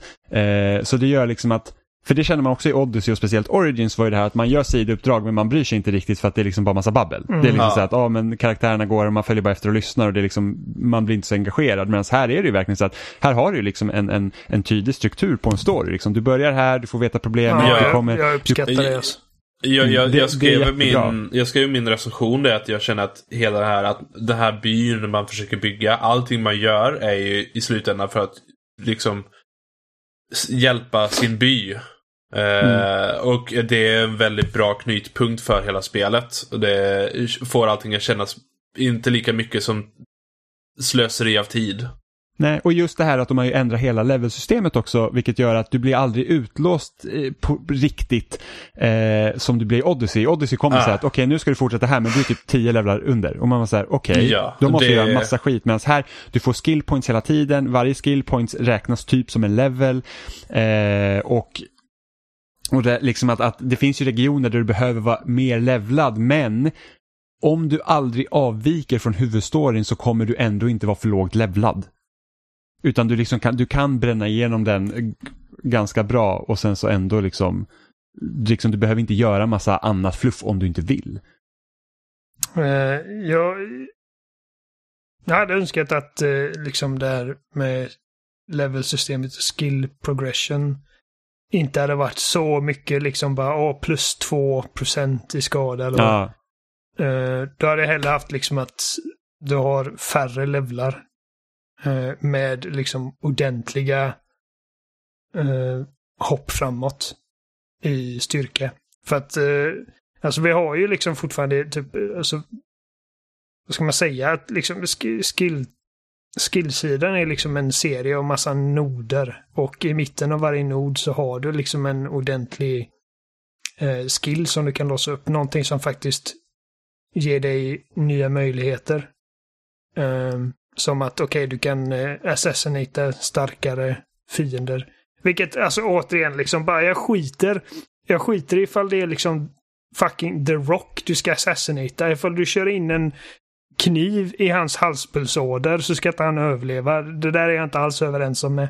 Mm. Nej, Eh. jag, jag skaffar ju förmågan ganska snabbt där Ja. man kan eh, assassinata. Men det är också ett sak som blir problem med levelsystemet. Det är som, det är liksom, det är inte, du ser ju inte hela utan när, ju mer du låser upp så blir ju Precis. trädet tydligare och tydligare och det gör att du vet ju inte vilket håll du ska Nej. gå åt för att få de förmågorna du faktiskt vill ha. Så du kan ju liksom i teorin ha kört 50 timmar utan att ens liksom ha upptäckt den här jävla assassination-skillen. Ja, men precis. Ehm, vilket, ja, lite, lite frustrerande.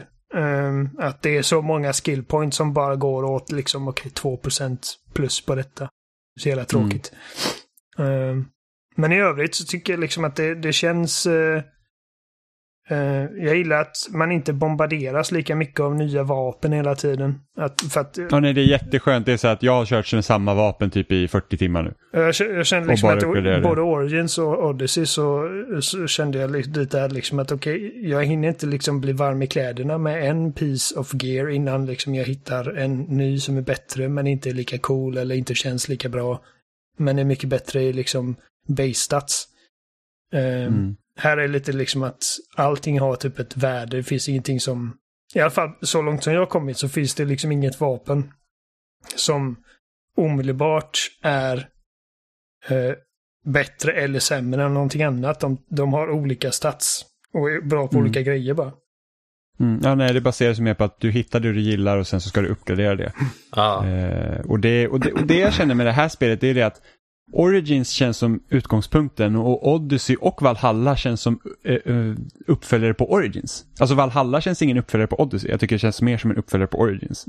Eh, just för att det känns som att de har, liksom tagit, de har tagit delar från Origins och fört det vidare och sen skippat andra eftersom så här att ja, men, ditt liv går inte upp automatiskt, du måste hela dig och det är, liksom, det är mer fokus på att hitta liksom, resurser och material snarare än att hitta massa vapen. Mm. Alla de här spelen smälter ihop för mig. Alltså, jag, jag, jag kommer inte ihåg exakt hur det var i, i Odyssey eller vad det var som skilde Odyssey från Origins eller... Alltså, men Or- Origins var ju mycket att du skulle hitta läder och du skulle hitta det för Ja. att kunna bygga pilar och sådana där grejer. Och det hade de typ scrappat helt i Odyssey. Då var det liksom bara hitta gear, gear, gear. Typ. Ja, de gjorde till Eh. princip en offline looter slasher. Ja.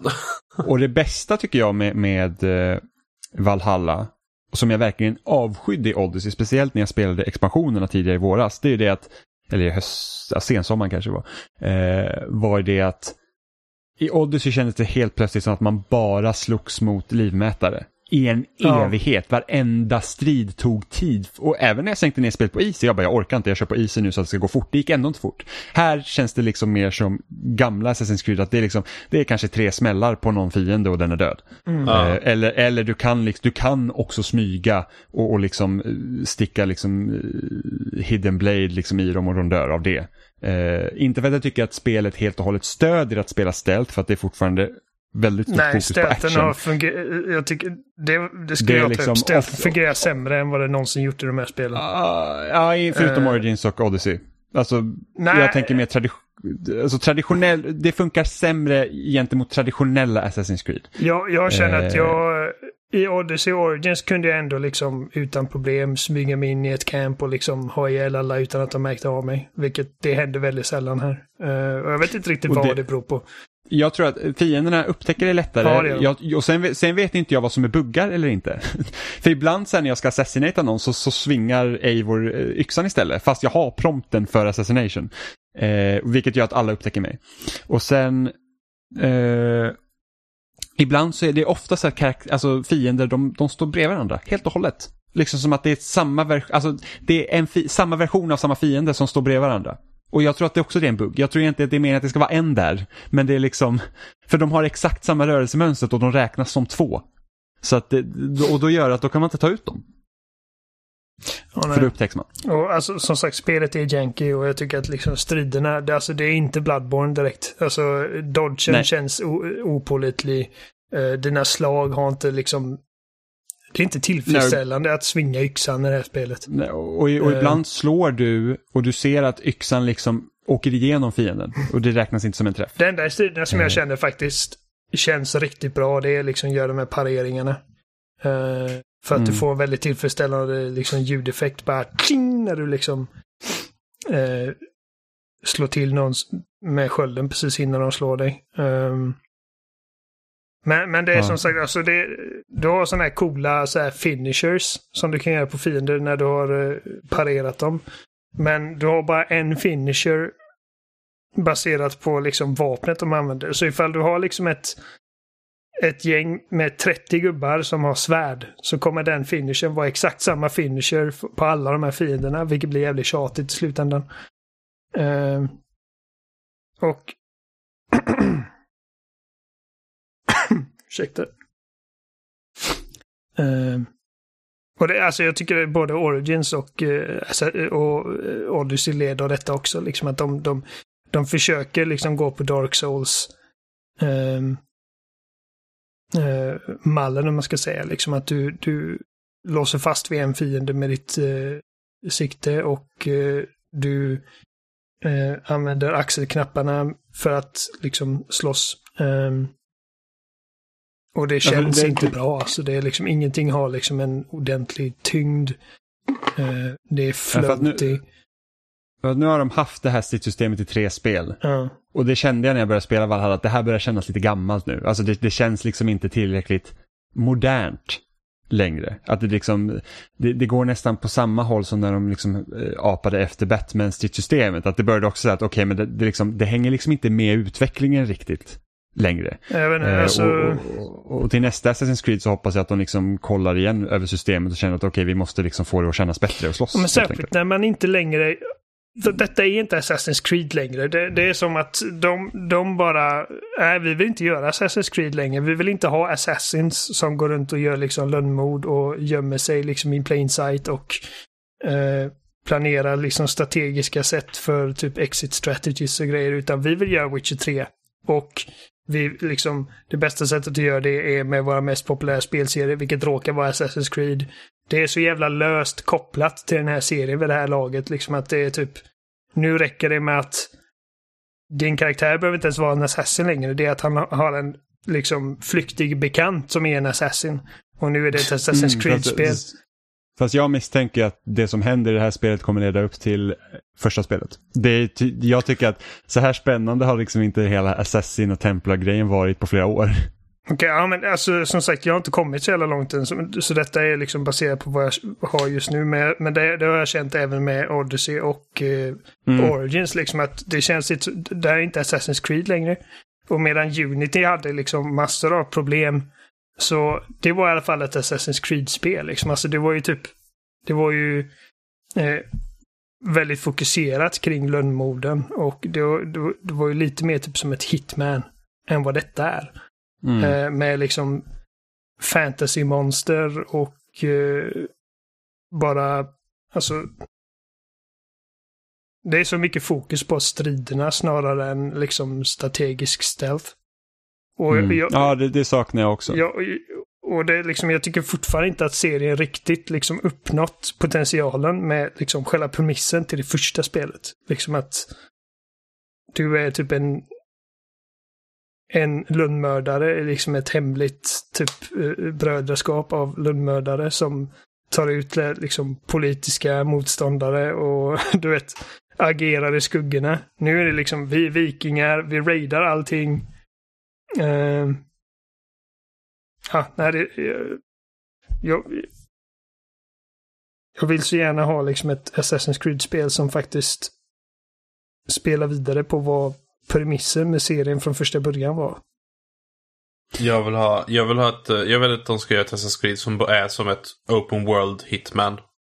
Jaha, Det är så typ. rakt av. Och det behöver inte vara så invecklat heller för att liksom, alltså Oh. Hitman är alltså löjligt invecklat. Alltså du har typ eh, en miljard olika möjligheter och eh, allting är liksom Alltså ifall man, ifall man ska göra ett open world Alltså ett Assassin's Creed som har samma liksom djup som ett Hitman har. Det skulle ju ta typ tio år att göra en sån skit. Eh, bara liksom med tanke på hur dens Hitman är. Eh, för att de banorna är liksom jämfört med typ en liksom Assassin's Creed-karta så är de väldigt små men de, de känns så jävla stora för att de är så proppade med grejer. Eh, Men, men över, överlag så är alltså Valhalla är riktigt bra. det, det är det. Ja. Det är, tycker bra. jag. jag. Jag jag är faktiskt överraskad över hur mycket jag tycker om det ändå. det är lätt att klaga på det. Men det är fortfarande, man, man spelar ju fortfarande. Eh, Mm. Och, och Ja. många av de grejerna som de har förbättrat har gjort liksom att det är mycket Ja. bättre. Ja, ja, jag, jag, eh, jag tyckte om Odyssey, men det var mer att karaktärerna uh, tyckte man om i, i Odyssey. Världen i sig, men det man gjorde i det tyckte jag var väldigt tråkigt med tiden. Ja. Här, här, det känns, och Valhalla respekterar min tid som spelare mycket mer. Även om vissa saker är... eh, eh, Har ni tänkt på att röstskådespeleriet i Valhalla är ofta sådär som Det är bäst? karikatyriskt typ. Alltså Ja. du har liksom NPCer som liksom. Ja, men, men, sen typ, det jag kan vara ute med min jägare och eh, på ett uppdrag och så bara kommer det en- en bonde som är jagad av vargar och hon bara, bara Oh no, look! Wolves! Jag bara, mm, inlevelse! Jag, jag tror det mesta som stör mig det är typ att det är många NPCer som ser exakt likadana ut. De har samma karaktärsmodell, så man ser det i samma ögon. Och jag tror det var en ganska viktig så här, karaktär som var under ett uppdrag i, liksom, i huvudstoryn. Ja. Där jag träffade på typ exakt samma karaktär, med annat hår senare. Var bara så Var här, den här som ser ut som en liten tant? Ja, precis. Det är så här, typ, eh, om de kvinnliga karaktärerna som inte är stora krigare, de ser alltså ut som liksom späda tanter med jättestora huvuden. Det, det är liksom, alltså det, är verkligen, jag bara så men gud vilket stort huvud hon har. Jag tänkte det måste ju vara något fel och sen har de träffat på typ fyra, fem stycken till sådana. Det är helt bisarrt. Men, men Valhalla i alla fall, det, är- det är liksom ett, ett, ett, det är ett bra Assassin's Creed. Ja. Ja. Eh, för Amanda har ju spelat ett nytt spel hon också. Hon har spelat lite Spiderman. Ja, jag har blivit en pluppdåre igen. Ja, till skillnad från våra pluppar som vi har jagat i 50 timmar i Valhalla. Ja, men precis. Nej, men jag har ju jagat pluppar på Manhattan istället. Jag har ju spelat eh, Spider-Man Miles Morales som utspelar sig ett år efter skeendena i första spelet. Och den här gången så följer spelet eh, tonåringen, tonåringen Miles som vi fick eh, bekanta oss med i det första Spider-Man-spelet. Min första Eh, fråga Parker- till dig, ursäkta. Ur, ursäkta. Eh, Ska jag fortsätta prata ja, eller vill du ställa nej, din fråga? Fortsätt, säg till när jag kan fråga min fråga. Okej. Okay. Peter Parker har under senaste året eh, tagit honom under sina vingar kan man säga och lärt upp honom för att han ska kunna hantera sina krafter så bra som möjligt. Han lämnar dock över det här stora ansvaret så att Miles själv får ta hand om staden tills eh, han och MJ är tillbaka från ett journalistuppdrag. Så de ska resa bort och nu är det liksom upp till Miles att verkligen ha kontroll över Manhattans skurkar. Och själva huvudberättelsen skulle man kunna säga är väldigt centrerad kring Roxon Energy Corporation som liksom är de här typiska eh, skurkföretaget. Och eh, de har fått väldigt mycket mer inflytande i stan. Och sedan Typ så finns det företag som en... ger cancer till folk och grejer. Men precis.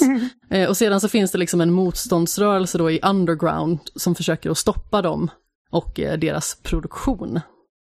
Vad var det du skulle fråga om, Oliver?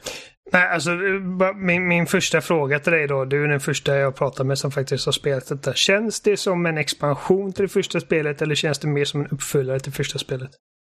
Alltså det känns som en, en lite kortare och lite mer fokuserad uppföljare. Alltså jag tycker inte det känns som en expansion för att det är väldigt mycket Miles egen berättelse och eh, det är väldigt centrerat kring honom och hans vänner, till exempel Ganky och Finn. Och även hans mamma Rio som då är eh, politiker.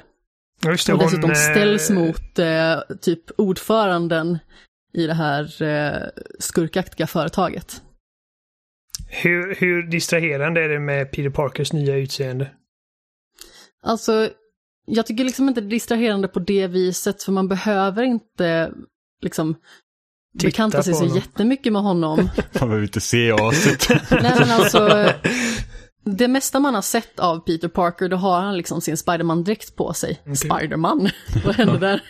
Spindelmannen? Spiderman, ja. Spindelman. eh, nej men, eh, jag tycker att om man liksom kollar på rena bilder så tycker jag att hans nya utseende, det är väldigt så här Tom Holland-fierat. Och de har liksom vissa likheter i sitt utseende, även att det liksom, det är inte samma person. Eh, men jag tycker att han ser lite ung ut. Mm. Man vet ju liksom att eh, den förra, eller grund-Spiderman om man säger så, har ju liksom en viss erfarenhet av att ta hand om staden och att verkligen beskydda den. Och måste liksom ha lärt sig någonting på vägen. Han är lite äldre än vad just Miles är. Och han ska liksom fungera som någon form av mentor då till Miles. Och det blir lite märkligt då när det känns som att de typ är i samma ålder. Jag vet, jag hade en jättelång diskussion här i eh, vår redaktionschatt häromdagen när, när vissa tyckte att eh, det var helt orimligt då att man skulle tycka att den nya Peter Parker då ser för ung ut för att han ser minsann ut att vara 23 och lalida. Och jag håller inte alls med för jag tycker att det känns som att de är för mycket i samma ålder och ska det liksom vara ett mentorskap så känns det som att det behöver vara lite mer tydlighet i vem det är som sitter på erfarenheten och vem det liksom är som kommer in som nybörjare och precis har fått sina krafter och har behövt att lära sig att hantera dem. Det känns så konstigt att jag har inte spelat Miles Morales själv än. Jag har ju bara liksom sett lite i förbifarten. Men när jag ser liksom Peter Parker så att jag kan liksom inte släppa att då det känns som att det här spelet är så bortkopplat från Spiderman som släpptes 2018 bara för att Peter inte ser likadan ut. Jag är så här bara, det där är inte Spiderman. Det är ett sånt Det är liksom, underligt beslut. Och de, de, de svär på att det är liksom tekniska... att det är lättare att synka ihop Ja. med, eh, med eh, röstskådespelarens performance liksom. Och så Men- kanske det är, absolut. Men jag tycker att det fungerar sådär. Jag tycker fortfarande liksom att man ser så lite av Peter Parker så jag kan bortse ifrån det när jag spelar. Det känns liksom inte som att det bryter min upplevelse så himla mycket för att om vi ska vara ärliga, det är liksom ett nytt Spider-Man-spel, det är fantastiskt, man spelar Miles som naturligtvis är lite valpigare än vad Peter är, och det märks, vilket jag tycker är fantastiskt, för man får liksom känslan av att man liksom är ny i de här kläderna, man har inte varit gammal i gamet överhuvudtaget innan man får det här ansvaret, men man har fortfarande krafter som är eh, väldigt fascinerande. Alltså dels så har man ju eh, sina vanliga då, eh, spindelkrafter med eh, olika typer av nätslag och eh, allting ifrån liksom att svinga genom stan som jag pratat om tidigare till att smyga, att klättra. Allting känns så sömlöst och smidigt och jag älskar att spela som Spiderman. Men han har också liksom elektriska krafter som ger en intressant dynamik i spelet. För att i förra spelet så hade vi ju liksom lite inflikare med Mary Jane till exempel och man fick ju även spela som Miles i grundspelet. Eh, men jag tyckte att de delarna kunde bli lite långsamma och lite Mm. för långsamma. Så det är alltid bra med ett tempobryt. Men det kändes som att det intressanta de hade kunnat göra utifrån de upplevelserna blev inte så intressant som det hade kunnat bli på pappret. Men här är det liksom, ja men du kan göra lite elektriska pussel eh, och du måste liksom använda dig av den styrkan också, inte bara när du slåss, utan det finns en funktion för den liksom i det övriga spelet och det tycker jag att de har implementerat väldigt bra. Plus att det finns liksom ett så här kraftfullt elektricitetsslag som, alltså det är så tillfredsställande så att man nästan går upp i atomer när man liksom har laddat upp sin elektricitet, man har slagit, man har eh, skjutit med nät, svingat sig fram och tillbaka och så till slut får man in den här slutklämmen, liksom det här hårda slaget mitt i nyllet på motståndaren, bara flyger allt världens väg och man känner sig stencool. Jag Så eh, ja. älskar det jag sett av, för att eh, när man ser Miles svinga sig genom staden så dels så ser man liksom att han är inte lika raffinerad i sina rörelser som Peter är. Ja, men alltså, han är Eh. lite sladdrig och liksom benen flyger lite åt alla, Ja. alla håll. Och det är liksom, eh, precis som man tänker sig lite att en tonåring ska vara. För det känns som att en tonåring är liksom i den åldern, har liksom inte riktigt koll på sin kropp. De är inte så medvetna om vad de gör. De är lite flängiga och eh, nu är det liksom inte någon målbrottsröst direkt. Sådär, men eh, alltså själva uppenbarelsen är så tydligt liksom att det är en yngre karaktär som precis har behövt att bemästra de här krafterna och det här ansvaret. Ja, och att de har Så lyckats liksom förmedla det genom animationerna. För att det hade varit så väldigt lätt för dem att liksom att bara ta samma svinganimationer som vi hade i förra spelet och liksom sätta en svart Spiderman-kostym på det. Men att de liksom har gått liksom the extra mile för att verkligen framhäva Miles karaktär i sättet han rör sig på. Och inte bara liksom att han är typ eh, som jag beskrev det, mer oraffinerad, utan han, mycket av hans stil kommer fram också. Liksom att han, han har liksom sin typ så här swagger, du vet.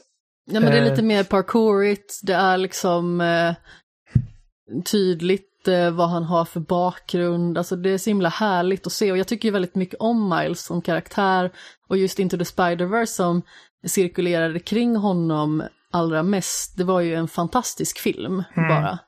Mm. Eh, och jag tycker det är intressant med det här greppet, liksom att de går vidare med Miles, för då känns det också som att det kanske kan komma lite fler intressanta avstickare, just precis som de gjorde i Into the Spider-Verse. Något som är ganska coolt när du pratar om liksom att, att Miles stil liksom genomsyrar spelet.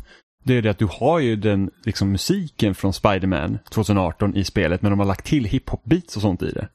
Åh, Ja, det är- coolt. Så när man svingar sig. Det är skit, alltså det är liksom, man måste bara, wow, vad är det liksom så här att redan där, det är liksom inte bara, det är inte samma grej utan det är verkligen liksom kulturen kring Miles kan man säga influerar liksom de valen som de har gjort i spelet och, och liksom när du har liksom så här att när musiken bygger upp när du svingar genom staden precis som i förra spelet liksom att det liksom den ökar och, och, och, och sänks i intensitet beroende på vad man gör Mm. så har du även hiphop-beatsen bakom. Det är skithäftigt. Alltså man känner ju sig så himla häftig som Spider-Man, alltså oavsett om man är Peter Parker eller om man är Miles Morales så känner man sig så himla häftig och jag är så himla glad av att få spela det här spelet. Och jag fick ju det som recensionsuppdrag och jag har liksom haft en period där jag liksom inte riktigt vetat vad jag skulle spela.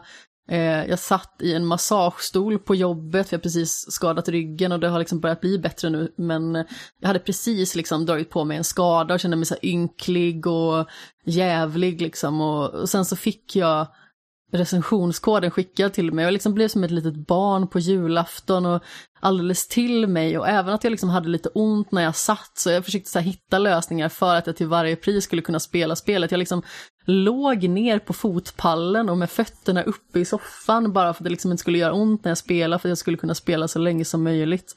Och jag har så himla roligt med det här och det finns ju massa sidoaktiviteter precis som tidigare men det är ju i stort sett en öppen värld. Ehm, och man har ju liksom eh, underground-förråd då, liksom den här eh, motståndsrörelsen, de har placerat ut liksom sådana här förrådslådor. eh, i hela stan, så de kan man samla på sig. Det finns tidskapslar, det finns vykort och dylikt. Men det som jag tycker är så himla bra med sidoaktiviteterna, det är att man slipper att känna det här att jag måste göra det här nu. Eh, man blir liksom inte vilseledd, utan huvudberättelsen är i fokus. Eh, och helt plötsligt introduceras man till något nytt, eh, typ en app som Ganki har gjort där man liksom kan eh, fokusera då på sidouppdragen. Och eh, sedan så kommer liksom det här med tidskapslarna då som är mer knutna till Finn. Och det är väldigt roligt för att det liksom kommer eh, som en liten del i helheten att eh, utifrån huvudberättelsen så får man den här lilla eh, sidoaktiviteten som man kan göra om man vill. Men man kan också liksom lämna det därhän hur länge som helst. Men man får ett smakprov av det hela tiden. Så det är typ så här, ja men nu har jag fått smaka på det här. Vill jag fortsätta med det? Ja eller nej? Ja, och sen så finns det naturligtvis träningsstationer där man blir liksom mer upplärd av Peter. Så jag tycker att det är, det är suveränt, för man behöver aldrig känna att det är ett måste att ta sig någonstans, utan jag blir ju naturligtvis, precis som jag sa tidigare, en pluppdåre av det här spelet. Och jag ska liksom, jag ska ta alla pluppar helst. Um, så, så fort de här förråden introducerades, jag svingade mig runt hela stan och samlade alla förråd som jag kunde få tag på då. Sedan så samlade jag alla tidskapslar och liksom håller på så bara för att det liksom blir så inspirerande det här i att ja, men, svinga sig runt hela stan och man samlar hela tiden någonting som är av värde. Och det är väldigt sällan jag liksom tar tunnelbanan, det är liksom bara om jag har knappt om tid och känner att okej, okay, jag har bara fem minuter på mig att göra det nästa som jag måste göra. Och då tar jag kanske tunnelbanan för att jag ska hinna med, men annars så då är det tveklöst liksom svinga överallt, jag känner mig jättecool. Det känns också som att det sitter i ryggraden från förra spelet hur man ska göra, men jag har också blivit bättre och det känns som att spelet ger en möjlighet att bli bättre också och det är superroligt. Eh. Alltså, jag tyckte att jag tyckte väldigt mycket om storyn i det förra spelet.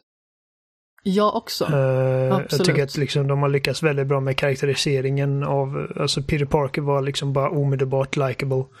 Uh, och han kändes liksom distinkt från alla andra liksom, för att nu har vi sett så många versioner av den här karaktären, men han känns ändå som en Precis som Ark, uh, Arkham Batman i spelen eh, har liksom blivit en egen typ entitet av liksom Batman-versioner. I mitt hjärta så har Insomniac Spiderman liksom nästlat sig in där på samma liksom status för mig.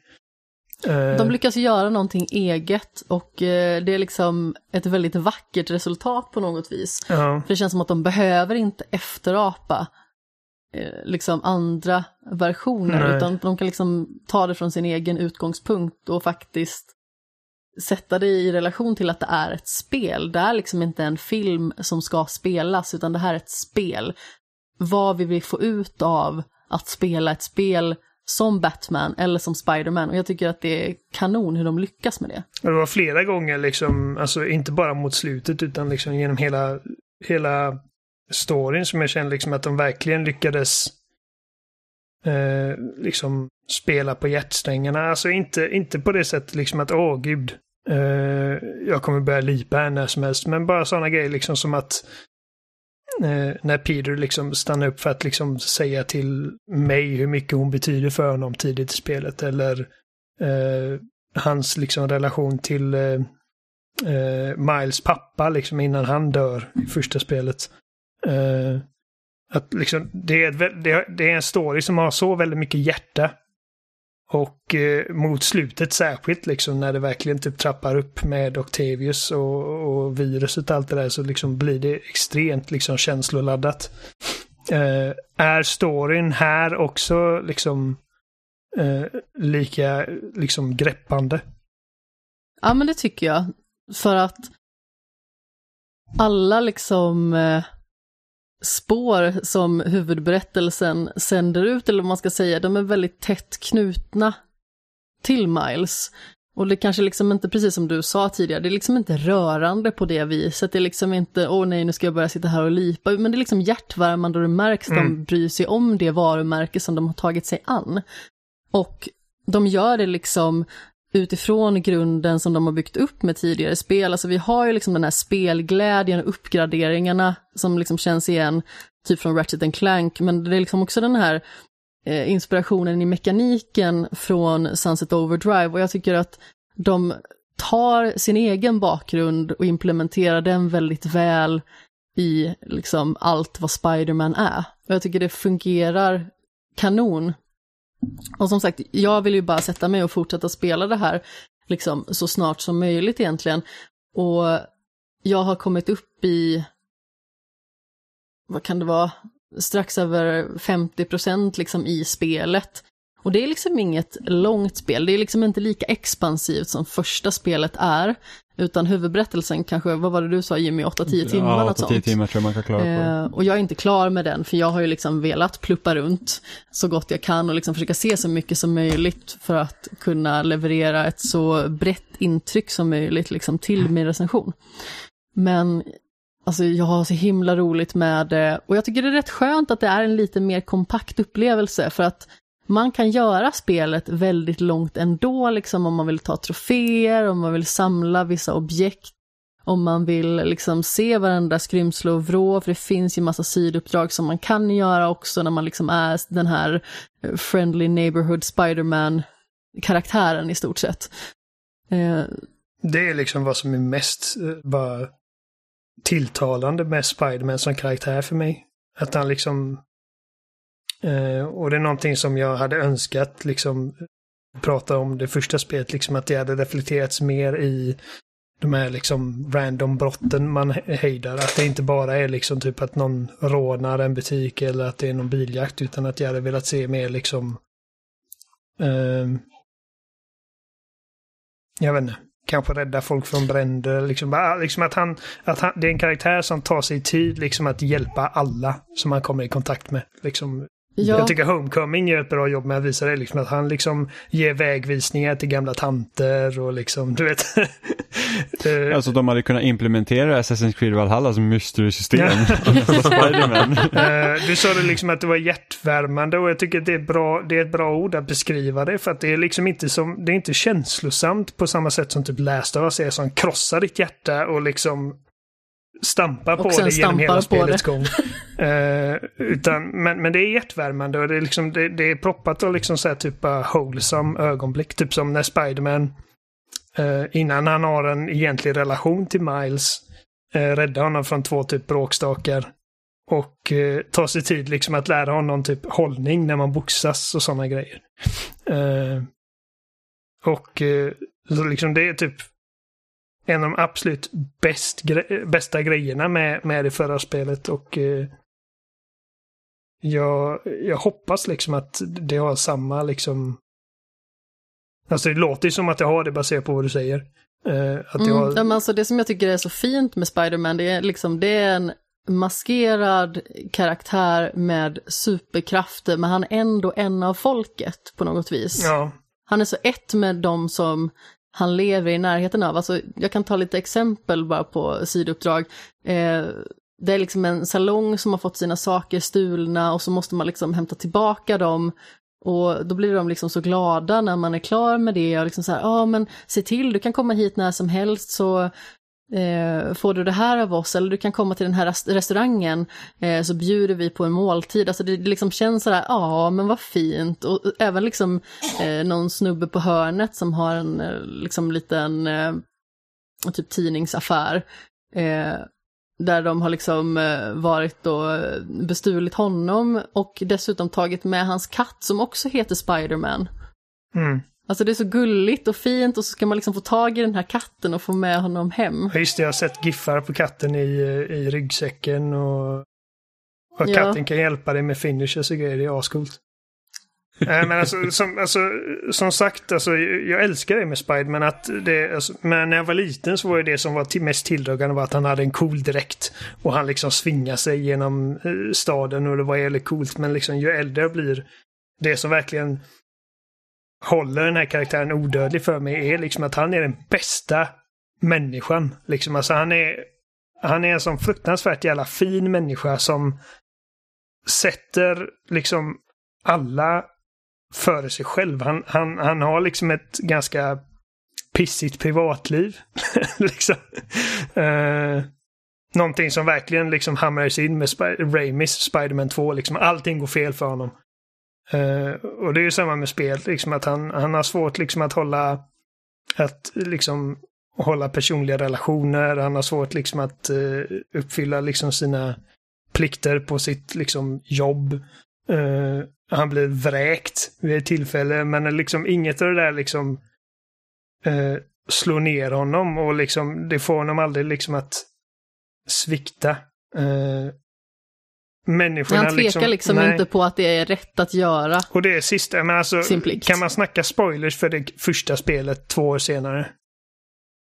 Det beror på vad det är. Eftersom remastern kommer ut nu, det kanske är folk som inte har spelat det. Okej, okay, mm. ja, men alltså det är liksom ett val han tvingas, tvingas göra i slutet. Eh, mm. liksom, där det är liksom antingen typ han har liksom stadens bästa i ena handen och hans eget bästa i den andra och liksom det är bara en sån jävla känslo, känslosam scen. Liksom bara, alltså, det är liksom Spiderman för mig. Liksom att han... Han är den som offrar sig. Ja, men det som är så fint med Spiderman också, att det kan nästan vara vem som helst bakom masken. Bara det att man liksom ska ha samma grundvärderingar liksom. Att värna om folkets bästa. Även om du måste också ha blivit liksom biten, biten av en spindel. med radioaktiv spindel från Oscorp. men ja, men, precis. Men jag tycker verkligen, men alltså det du säger med att man liksom Spiderman är ett med folket, det tycker jag verkligen beskriver det bra. Liksom att man, just det här med att i, i, i 2018-spelet då, liksom det här med att man, liksom så här, man kan gå förbi på stan och så här tjoa och skimma liksom. Och att High man, five. Man är inte liksom, om man jämför med Batman till exempel så är det liksom en, det är en hjälte som gömmer sig i skuggorna. Mm. Liksom, han ska ju helst inte synas Nej. utan han liksom dyker bara upp. Han är en myt liksom. Och, och, Ja, och det är samma sak man tittar på Spiderman 2 då, alltså filmen från 2004, eller när den nu kom, är det liksom att när, när han är på tåget och liksom de tar av masken och ser vem det är så bara åh oh, shit, det är bara liksom en ung man han, som är Spiderman. Han är inte liksom, äldre än min son. Liksom. Nej, nej, och, så här, så, och liksom bara, det är, liksom, är som en tyst överenskommelse att vi säger liksom ingenting nej. om vem han är. Och det, det, bara, det, att, det, det är vad jag älskar med Spiderman, alltså överhuvudtaget. Uh, återigen, det, liksom, många av filmerna har liksom de här ögonblicken med eh, med liksom Peter Parker, och de uppoffringar han gör och liksom Ja, nej. Det, det, är en sån jävla bra scen i uh, Spiderman 2, liksom när, när, när masken åker av. Eh, och eh, jag vet, typ, jag tycker det är, alltså nu, det är ganska cheesy så här i efterhand, men när alla de här kran eh, kranförarna i Amazing Spiderman bestämmer sig liksom för att ge honom en väg. Uh, det är liksom... Prata inte om Amazing Amazing Spiderman, alltså ja. Uh, den har också problem. Men, det, men det, det, är liksom det som är typ, alltså. Bara. Alltså ända sedan jag såg liksom Raimis första Spiderman när han väljer liksom att Nej, jag älskar, eller jag, jag, jag vill inte vara med dig när han säger till MJ. Liksom, fast att det är typ det första som hamras in i första, liksom, i första scenen i princip. Att MJ är mitt liv. Jag hade liksom, alltså jag hade typ gett upp allt för att vara med MJ, men han bestämde sig för att inte vara det. För att han liksom, hans välmående är liksom sekundärt till allt annat. Ja, men precis. Han har sitt stora ansvar att liksom utgå ifrån. Det blir en lång raljans om saker som inte nödvändigtvis handlar om just det här spelet, men ja. Uh. Nej, nej, men det är ändå relevant för karaktären, mm. tycker jag. Men jag vet inte om jag har liksom så jättemycket mer att säga om det. Så jag tänker att vi kommer ju börja avrunda alldeles strax antar jag. Men vi tänkte ju ta en liten Fall Guys-uppdatering i sedvanlig ordning. Allas favorituppdatering. Eh, det har ju kommit en säsongsuppdatering i Fall Guys med nya variationer och en ny bana som heter Big Fans. Som är, inte är Jimmys nya favoritbana. Nej. Alltså det är så himla synd för att jag tycker att banan är jätterolig och Jimmy tycker inte att den fungerar men jag tror att det är för att hans tålamod sinar lite grann. Men det fungerar inte för att nätkorgen inte är riktigt bra så det är att man ramlar på konstiga sätt fast inte, folk hoppar in i en som man inte kan se och grejer. Alltså jag tycker den fungerar jättebra. Alltså det är liksom eh, snurrande propellrar som man ska hoppa på snarare än liksom ta sig förbi som det då är i The Whirly Gig. Och Eh, sen så kommer det ju liksom sådana här eh, stora bommar som åker förbi och så ska man hoppa över dem och det liksom blir mer komplicerat ju längre in man kommer i banan. Alltså jag kan köpa det här, det är ett stort problem liksom när det är mycket folk och folk hoppar in i en, men det är ju liksom det kaos som Fall Guys oftast är.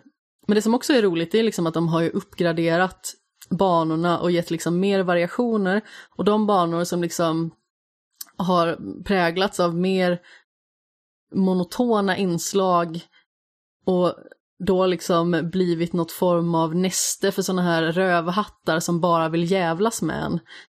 Eh, där har det liksom satts in så här pendlande taggstockar, jättestora som är jättesvåra att ta sig förbi. Eh, det har även kommit in liksom mer så här fruktkanoner som då gör till exempel att den här rollout där man liksom står på snurrande plattformar, att eh, där blir det liksom svårare att hålla sig kvar på grund av det, för att man har någonting att liksom fokusera på snarare än liksom väja för folk som ska ta tag i en och försöka knuffa ut den, de asen. Men eh, sen så är det, liksom, det är mer sådana här godispenisar, stora hammare, pendlande yxor, alltså sådana grejer som, som dyker upp på banorna. Och det blir ju liksom att man tröttnar inte lika mycket på banorna när det finns som variation, för att det kan liksom vara att det dyker upp nya saker och det är väldigt roligt. Och det ska bli väldigt intressant att se vad de tar liksom serien vidare då i den tredje säsongen, för nu är det liksom mer fokus på medeltida eh, aspekter skulle man väl kunna säga. Har de hintat någonting om Nej. liksom nästa? Nej. Nej, ingenting. Jag tänkte du följer dem på Twitter. Ja, jag är djupt insatt i Fall Guys lore. som, som, som, som har uppdaterat med. Men det, nej men det, det är, ett- alltså Fall Guys är jättebra verkligen. Det, har du spelat Fall Guys Adam? Eh, nej, jag har installerat det men aldrig spelat det. Det är jätteroligt. En dag får vi spela ihop. Det är hysteriskt Ja. överskattat. Nej, Det är fantastiskt roligt. det är överskattat för dåliga människor. Jag har ingen bra comeback. Nej, för du vet att det är sant. Eh, men ni hittar oss som vanligt på spelsnack.com. Där finns också länkar till alla ställen vi finns på som Facebook, Instagram, loading.se och eh, var du än lyssnar på podcasts. Spotify eller iTunes eller eh, Google Play Store, vad de nu har för skit. Eh, ja, Adam, vart kan man hitta dig någonstans? Ja, ni kan hitta mig på gamereactor.se och jag har Twitter, eh, adal90 och eh, ja, det är där jag finns typ. Vad kul att du ville vara med och prata lite om Xbox och Assassin's Creed och Det är ingen fara. allt möjligt. Ska du spela Spiderman? Eh, jag väntar tills Playstation 5 så det blir nog Ja, du eh, också. 2022 jag får spela det. Vad kul det ska bli för dig. Ja. Då kommer också nästa Spiderman komma ut. Ja. Så då kan du spela alla tre back-to-back. Så jag bara Det hoppas jag får en vecka då. Playstation innan Ratchet and Clank kommer. Ja, det, är väl typ, det, är väl typ, det är väl typ det jag också hoppas på, att det, det, man lyckas få en innan Ratchet Clank. Älskar Ratchet and Clank. Jag är liksom så besviken över att det bara kommit ett Ratchet and Clank-spel den senaste generationen och det var så bra. Det är typ det bästa i serien och alltså visst, A Crack in Time är också fantastiskt, men jag tycker att balansen i Ratchet and Clank var så himla bra. Jag ser väldigt Ja. mycket fram emot Ratchet and Clank. Och jag ser väldigt Ja. mycket fram bara för att hålla DualSense-kontrollen och känna på den här haptic feedbacken som alla säger är typ den största Next Gen-grejen med hela Next Gen. Ja, men alltså så här.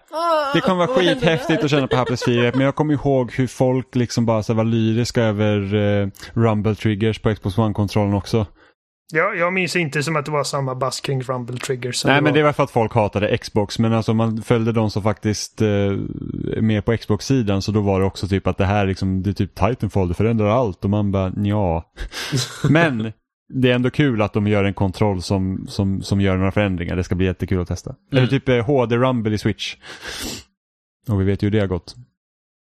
Jag var aldrig imponerad av HD Rumble. Ja, alltså det var ganska kul att kunna känna att man kunde snurra på kulor i en joycon, men det är också det.